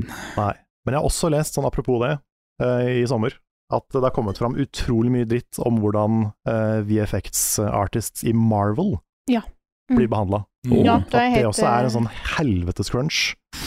At de blir bedt om å forandre halve filmen bare noen få måneder før den skal ut, og at det er helt sånn ulevelige kår, da. Og liksom Marvel og Disney, som eier så fuckings mye, de har i hvert fall penger til det. Ja. Det skal la seg gjøre, liksom. Mm. det, Jep. det vi kan ikke drive og behandle disse yrkene som slaver. Nei, jeg tror de greit klarer å tjene igjen det lille ekstra som må til. Men det er sånn typiske type jobber som ikke blir verdsatt. Ja. Sånn Replaceable. ja, Mm. Mhm. Ja, Du er heldig som får lov til å jobbe her. mm. ja ikke sant. Jeg så en, eh, så en dokumentar om Walt Disney i sommer. Ja. Eh, og der, der også, altså, Disney har jo en lang eh, historie med rovdrift av ansatte. Mm. Fra et eh, Det er trist. spillselskap eh, som ikke har eh, da hatt eh, sine beste dager nå i det siste, til et annet selskap som eh, nylig eh, ikke fikk sitt beste rykte heller, da de kom ut med en Twitter-melding eh, om at eh, hva, hva var han? Da, en av dere nevnte han nettopp. Ja, eh, det Ordrett. var da EA sin offisielle Twitter-konto, var det ikke det? Yes. Mm. Eh, som hadde da tweeten eh, She's a ten, but she only plays single player games. Ja. Og da Men fikk nå de jo har- Ja. Nå har EA en gladsak å melde. For de sier at singleplayerspill er skikkelig viktig. Ja. Ikke bare er de skikkelig viktige, de er skikkelig, skikkelig viktige, faktisk, for Shit, selskapet. Really, really important. Really, really important. Så nå har de Mm. altså snudd litt. De har jo tidligere sagt at eh, spill var, nei, folk var ikke lenger interessert i enspillerspill, eh, men nå tror jeg de har innsett hvor mye backlash de får, eh, fordi at folk faktisk liker enspillerdel. Eh, Mhm. Enspillerspill. Eh, dette er jo da Eurogamer som eh, eh, som, eh, som skriver dette her, da, at det er av sin CEO Andrew, Andrew Wilson som har nevnt dette her. Men det er fortsatt Live Service Games som er- står for 70 av inntektene til EA, så det er fortsatt eh, Jeg skjønner jo at det er da de ender opp med å fokusere på, for det er der pengene kommer inn for dem. Mm. Dette her var jo først og fremst en sånn Twitter-joke, men Mm. den er så veldig tonedøv, fordi Ja, den er EA tidligere har liksom gått ut og sagt at single player is dead og alle disse Mm. tingene her. Ja. Så den, den funka bare veldig dårlig, den vitsen. Det er ikke noe vits i å sette eh, spillere opp mot hverandre på den måten, tenker jeg da. Ja, Nei, det er det massevis av spillere som bare er opptatt av multiplayer, og som syns singleplayer er dritkjedelig. Mm. Selvfølgelig, det må du jo bare få lov til, men det er Ja. massevis av folk som også er glad i singleplayerspill. og Jeg har ikke sett folk opp hverandre på den måten, det er unødvendig. Det er Det er det. litt Det er sånn helt- gatekeeper. Ja, og så blir det sånn unødvendig krangling. Jeg syns det, Mm. det er bare teit. Så eh, Det er det. bra de har snudd litt, i hvert fall. Damage control. Hva er dines best, hvor var fredag sist? Har Carl egentlig sopp? Ukens spørsmål. Dagens podkast avsluttes med et par spørsmål her fra dere, våre kjære lyttere. Hvis du har lyst til å sende inn spørsmål, kan du gjøre det på Facebook-sida vår. Der legger vi ut en post hver uke. Som vi gjør på Patron. Vi har òg en kanal på discorden vår som er eh, dedikert til podkastspørsmål, så vet dere det. Spørsmålet jeg starter med i dag, er fra Jon Magnus Restad, som spør Har dere hatt en fin sommer så langt, og hva er høydepunktene som sees på høsthorisonten? Nå har vi jo snakka litt om sommeren allerede. Eh, Har du Men, lyst eh, til å si om du har hatt en fin sommer, Rune? Jeg har hatt en rar sommer. ja. Ja. Eh, Jeg var jo litt innom det i stad, men eh, det å bo i, i bager og eh, sånn på masse forskjellige steder, det er ikke, det er ikke så kult. Men på den annen Nei. side så føler jeg at sommeren har vært ganske lang, da. At vi har opplevd mye rart. Bodd litt forskjellige steder og reist litt og sånt. Så, eh, så, så det har ikke vært altfor ille, altså. Men jeg har sett gjennom hele Breaking Band på nytt, ja. og El Camino, og nå er jeg nesten eh, gjennom eh, Better Call Saul eh, for gang nummer to. Shit. Der er det jo seriefinale nå i august, så jeg ville liksom bare ha alt friskt i minne før jeg så de siste, aller siste episodene. av- Og det er så bra, altså. Mm. Det er så bra. Det er mulig at til og med Better Call Saul nå sniker seg forbi eh, Breaking Bad. Oi, oi, Jeg oi. skulle se Better Call Saul i sommer, og så rakk jeg det ikke. Ah, Det er så bra. Det er så bra. Vi har jo nettopp sett eh, Dark eh, på nytt igjen. Eh, Ja. Den serien er jo helt insane.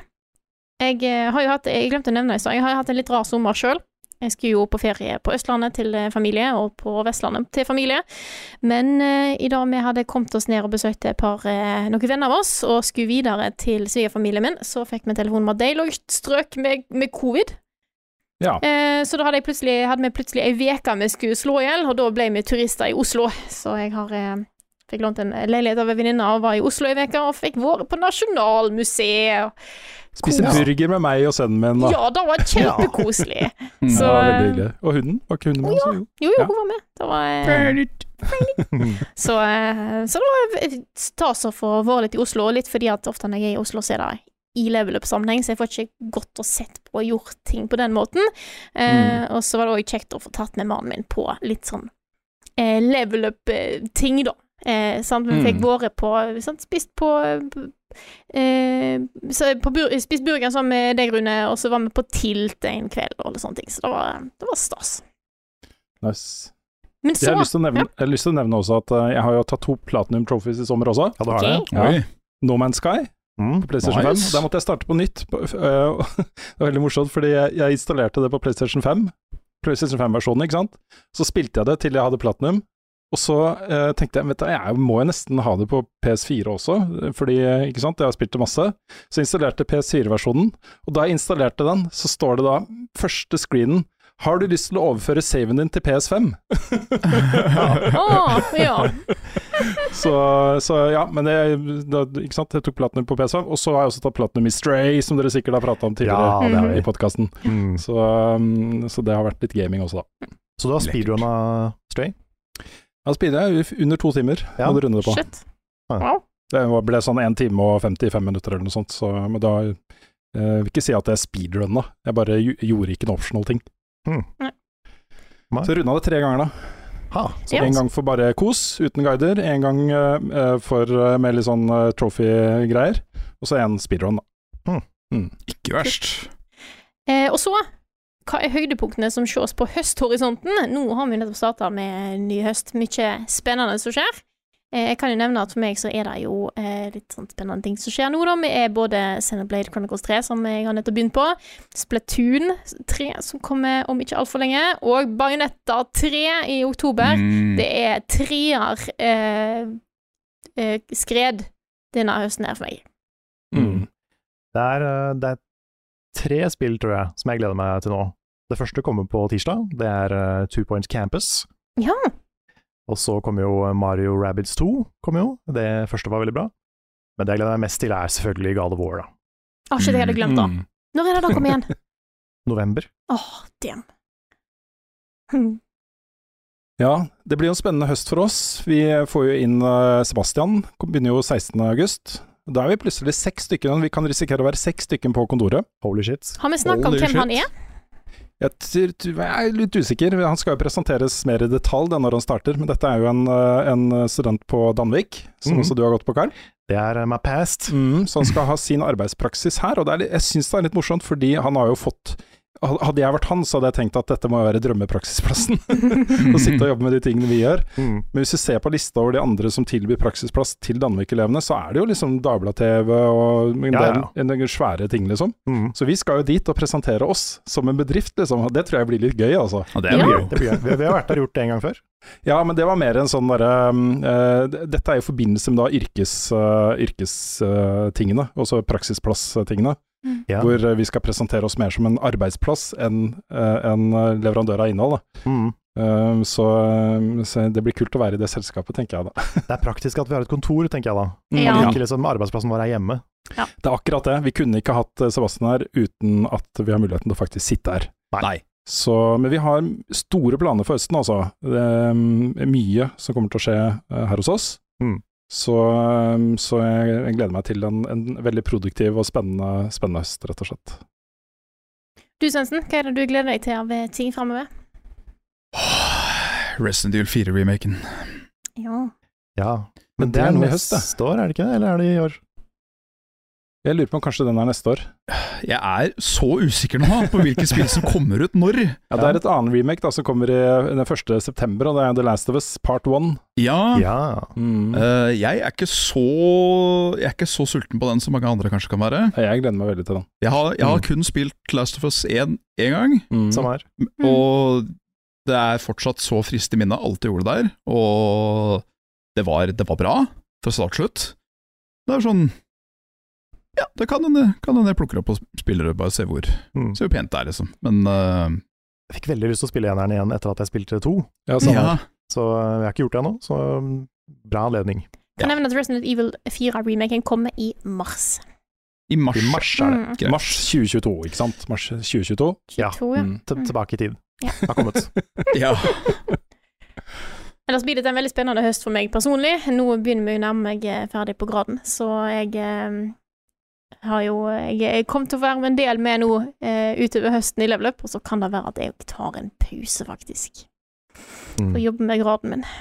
Mm. Det er lov. Jeg kan Så da ikke blir skjønne altså, det at skummelt. doktorgrad tar lang tid. Hæ? Hva er det for noe? Å, jeg har Skjønner jobbet med den her ikke. lenge nå. Det er bare Mm. et par, par timer i helga, altså. Jeg er på time her og her der. Vi kan ta neste spørsmål, som også handler om ting som skjer fremover. Dette er fra Windy493, som, sp- eh, som spør Har dere noen planer for å gjøre flere event på Eldorado eller lignende plasser i den nærmeste framtida, altså perioden fram til jul? Og da kan vi Artig nevne at du spør. Ja, veldig, det det er kanskje ikke godt å ta dette spørsmålet, er fordi at vi driver og planlegger og kanskje har noe i september. Nærmere bestemt, eh, hva er det ikke, tredje? Tredje Lørdag tredje? 3. september. Ja, lørdag 3. september prøver vi å få til noe på Eldorado. Jeg har ikke snakka med Helge ennå, jeg, har fortsatt- jeg har jo egentlig ferie nå. Mm. Så jeg snakker med han, eh, jeg skal prøve å få sendt melding i løpet av uka. Um, men eh, da sendes neste uke. Kanskje til og med også høre med eh, Jeg fikk en melding fra Jostein i Radcrew i sommer, som lurte på om ikke vi kunne ha noe event sammen på Eldorado snart. Ja. Så høre om de også. Kanskje en double bill, ikke sant? Radcrew og Level Up Podcast eh, something something. Mm. Så, så det har vi lyst til å få til. Og så tenker jeg nok det blir noe senere i høst også. Eh, kan nok se for dere dere at det blir et par-tre shows på Eldorado i løpet av høsten, tenker jeg. Tipper det. Høres bra ut. Så er det ikke, ikke confirmed at det skjer noe 3.9, men vi prøver. Vi prøver. Absolutt. Det er da også i forbindelse med 50-årslaget til Jon Cato. Ja. Ja. Så Vi skal i bursdag til Jon Cato. Mm. Yes, og da skal jeg til Oslo, vet du, så da må jeg spørre Hei, kan vi få Ja. til noe gøy, vet du? Så Can we, can we content? can we content? Kan du? Jeg lurer på om jeg skal ta et eh, spørsmål til her. Ja. Det Ja. er litt sommerrelatert. Det er fra Håkon Brostigen som skriver Jeg var i Legoland med familien i sommer. Hva er deres Oh. favorittfamiliepark? Oh, Oi. nå spør du godt. Mm. Ikke sånn s- Altså, f- eh, familieparker er eh, Jeg er ikke noe fan. Sånn, Nei. sånn i utgangspunktet. Det er litt s- Som regel når man er der, så er det fullt, liksom. Ja. Mm. Altfor mye folk, og det er kanskje til og med sol og litt få steder å være i skyggen og, og sånne ting. Mm. Eh, så jeg har en litt sånn derre blanda følelser for eh, familieparker. Men jeg har jo vært i en del av dem. Jeg har vært i Bjørneparken på hva er det heter, et eller annet sted i Norge. Litt lenger nå. Eh, ja, jeg har vært på eh, Disneyland i, i Paris Nei, i Oi. Paris, i Tokyo. Ja, i Tokyo, ja. Wow. Det er den i Tokyo, ja. Ja, Og så har jeg vært på, eh, på eh, tivoli i København. Tusenfryd. Mm. Jeg har vært på mange av de. Ja. Eh, og det er alltid, Ungene syns det er veldig gøy, særlig dattera mi elsker Hun var på Tusenfryd med fritidsklubben eh, i går, og Mm. hadde tatt loopen. God damn it, hun er elleve år gammel. Det er pokker også, da gruer jeg meg til neste gang vi skal på, på sånn fa- park. Mm. Noen må jo ta den med henne. ja. Jeg er f- i fare for at det blir meg, altså. Du får leie inn meg som stand-in, jeg kan gjøre det. Ja, jeg Ja. kan gjøre det, jeg også, men eh, det er sånn da går jeg og gruer meg en uke først, liksom. Og så Ja. Ja. Jeg var redd for sånne, men så tok jeg Batman i Universal Studios. Eller Six Flags var det. Six Flags. Ja. Oi. Da var det The Batman, og det var sånn fire loops etter hverandre, ja. og da ble jeg kurert. Ja. Ja. Ja, for jeg, jeg er livredd sånt, så Mm. jeg eh, har vært mye på sånne der lokale tivoli som dukker opp i løpet av våren, eh, og holdt sekkene til folk mens jeg tar eh, berg-og-dal-bane, og jeg spiser sukkerspinn. Eh, Ja. Jeg har vært på tivoli i, eh, i København, da syns jeg var veldig koselig, egentlig. Eh, Mm. Tusenfryd det har jeg vært en gang, det var sånn helt greit. Men jeg har lyst til å dra det et hakk videre, for Legoland er dritkult. Legoland er kjempegøy. Jeg har veldig gode minner fra Legoland. Ja. Mm. Men jeg har lyst Selv til å om ta jeg det et eh, hakk videre. Sånn eh, Jeg er veldig glad i dyrehager og akvarium. Mm. Så det er jo ikke nødvendigvis en familiepark i sånne, sånn grad, men en fantastisk eh, eh, plass å ta med ikke bare familie, men bare å dra. Hver plass jeg drar, hvis det er akvarium, så drar jeg på akvarium. Mm. Eh, stor fan av det i Bergen, og det i Ålesund. Knallbra. Eh, Det er òg et i Risør, tror jeg det er. En liten en. Det er noe kjempesøtt. Så jeg, akvarium Min thing. De har et fantastisk akvarium på tivoli i København. Oh boy, det er dritlangt! Det er, det er, det er, jeg husker ikke hvor mange meter det er, men det er helt insane langt. Det kunne jeg bare stått og sett i timevis. Jeg var på akvariet i Boston. Mm, Det var, eh, Ah. det var nice. Det var svært, ass. ja, det tror jeg på. Det var kjempegøy. Everything's bigger in America. Ja. Det er det. Jeg eh, har jo planlagt eh, lenge sammen med Marte, kjæresten min, at vi, vi har lyst til å dra på en ferie sammen. Mm. Og da s- snakker vi alltid om Disneyland, Paris. Nice. Så nå har vi begynt å researche sånn når på året det er færrest folk. Ja. Mm. Fordi det er ikke noe gøy å være der når det er liksom For vi vurderte i sommer, men det hadde ikke funka. Nei, Og de heter Bølgo i tillegg. Ja, Ja. det hadde ikke vært noe nei gøy. takk. Så, det er det eh, samme i Japan, liksom. Jeg vil anbefale folk å dra dit i sånn mai, april-mai, Ja. eller sånn eh, midten av september. Ja, for vi har Mm. sett litt på slutten av september. Ja. Lurer på om vi, hvis vi klarer å presse inn en liten Disneyland-tur da. Så det Mm. hadde vært veldig koselig. Og Ja, så det vil er nok eh, verdt å gjøre det, hvis det Mm. ikke det er så mye køer og sånt. Mm. Og så vil jeg også Litt- trekke fram Unnskyld. Bø i Sommerland. Ja! Den er ja. dritbra.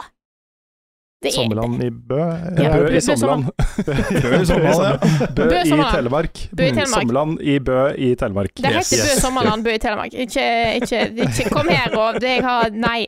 Bø i Sommerland, ok? Ja, Ja. for du må først reise til Sommerland, så må du finne Bø. Ja, stemmer. Mm. Det er det Bø- spøkelseshuset, Sommerland. ikke sant. Ja. Mm. Dette er ikke så Ja. lett for meg, OK? Det, det, det er Det vanskelig er å lov. være tilbake på jobb. Bø Sommerland. Det var nok, eh, det var nok min favorittpark da jeg var liten. Mm. Det var alltid gøy å bade, alltid gøy å splæsje. Eh, men jeg kommer til å jukse litt med det som har blitt min favorittdestinasjon i eldre tid. Jeg har bare vært der én gang, og jeg jukser fordi at det er nødvendigvis ikke familiepark, men det har parkenavnet. Det er eh, rett og slett Castle Fun Park i Vancouver. Eh, det var da en eh, svær eh, treetasjers eh, bygning, der eh, eh, den øverste etasjen så var det arkademaskiner av alle slag. Alt fra bilspill til eh, House of the Dead, skyte, bang bang, etc. Eh, det vanlige planet, da var det liksom alt fra pachinko-maskiner til uh, enarma banditter, til liksom alle de fysiske spilla. Der hvor du, det er et eller annet som snurrer og kaster ball for å få, få sånn tickets og sånn. Og så i kjelleren så var det en kjempodiger minigolfball. Oh, nice. Det er første gangen jeg har spilt minigolf, og dette er bare et par år Å, siden. det er kjempegøy. Jeg har, eh, jeg har mitt scorecard eh, hjemme på veggen som, eh, som trofé. Jeg tapte så det sang over James. I samme sammenheng så vil jeg slå et slag for eh, Oslo Underground Minigolf. Den Mhm. ligger jo rett ved kontoret vårt. Hallo! Ja, vi må dra dit. Ja, Ja. jeg foreslår at vi drar der eh, neste gang jeg er i Oslo. Det var hyggelig. Med på det? Jeg er med. Hell yeah. Yes. Men da kanskje Da tror jeg kanskje vi tør å runde av eh, denne beefy podkasten her. Det Ja, kan vi det- gjøre. Boy. Veldig hyggelig at jeg rakk å bli med på en liten snutt av den. i Ja, hvert fall. veldig Faen, Altså, det er hyggelig at du kom koselig. Veldig, veldig kos. Vi, hadde, vi, har sittet, ikke sant, vi har sittet og holdt på alle spillinntrykkene våre så mange, så mange uker. Ja. Da blir det lang podkast. Han blir det. Blir det? Helt innafor, da. Så da tar vi en runde av for denne gangen her. Dette er Kan jeg bare podkasten. nevne noe? Ja, selvfølgelig. Jeg skal, eh, etter dette her så skal jeg gå og se eh, The Black Phone på kino. Oh, Og spise sushi. nice. Jeg bare- Nice. ja. Kan jeg, får jeg lov nå? ja, nå er det greit. Kjør på.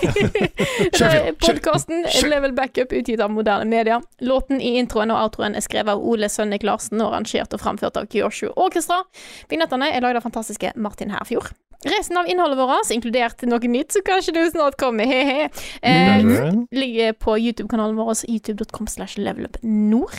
Hopp inn der. Hopp også inn på twitch.tv slash levelupnord. Der kan du, eh, både på Twitch og på YouTube, kan du nå se hele serien av Svendsen banker dritten av, ut av Elden Ring i level 1. Jesus Witness me. Christ. Mm, Helt det er amazing å amazing. se- se den eh, ferden din der. Fabelaktig klippet av eh, vår highlight-klipper sånn Å, Sondre. fy fader, Han ass. er så Jeg, flink. jeg måtte strekke ut til han på Discord og bare gi han litt personlig ros, for gud bedre. Jeg Ja, fikk det er veldig faktisk gåsehud av den montasjen han lagde her på slutten. Og den var så fin, den. Han var det. Good guy. Det er mulig det blir litt streaming fra nye kontoret mitt også. Hell yeah. Hey. Det må til. Mhm. Hå- og Hopp også gjerne inn på discorden vår, discord.com slash levelup. Nei, discord.gg GG. slash levelupnorge. Det, det er vanskelig å være tilbake på ferien.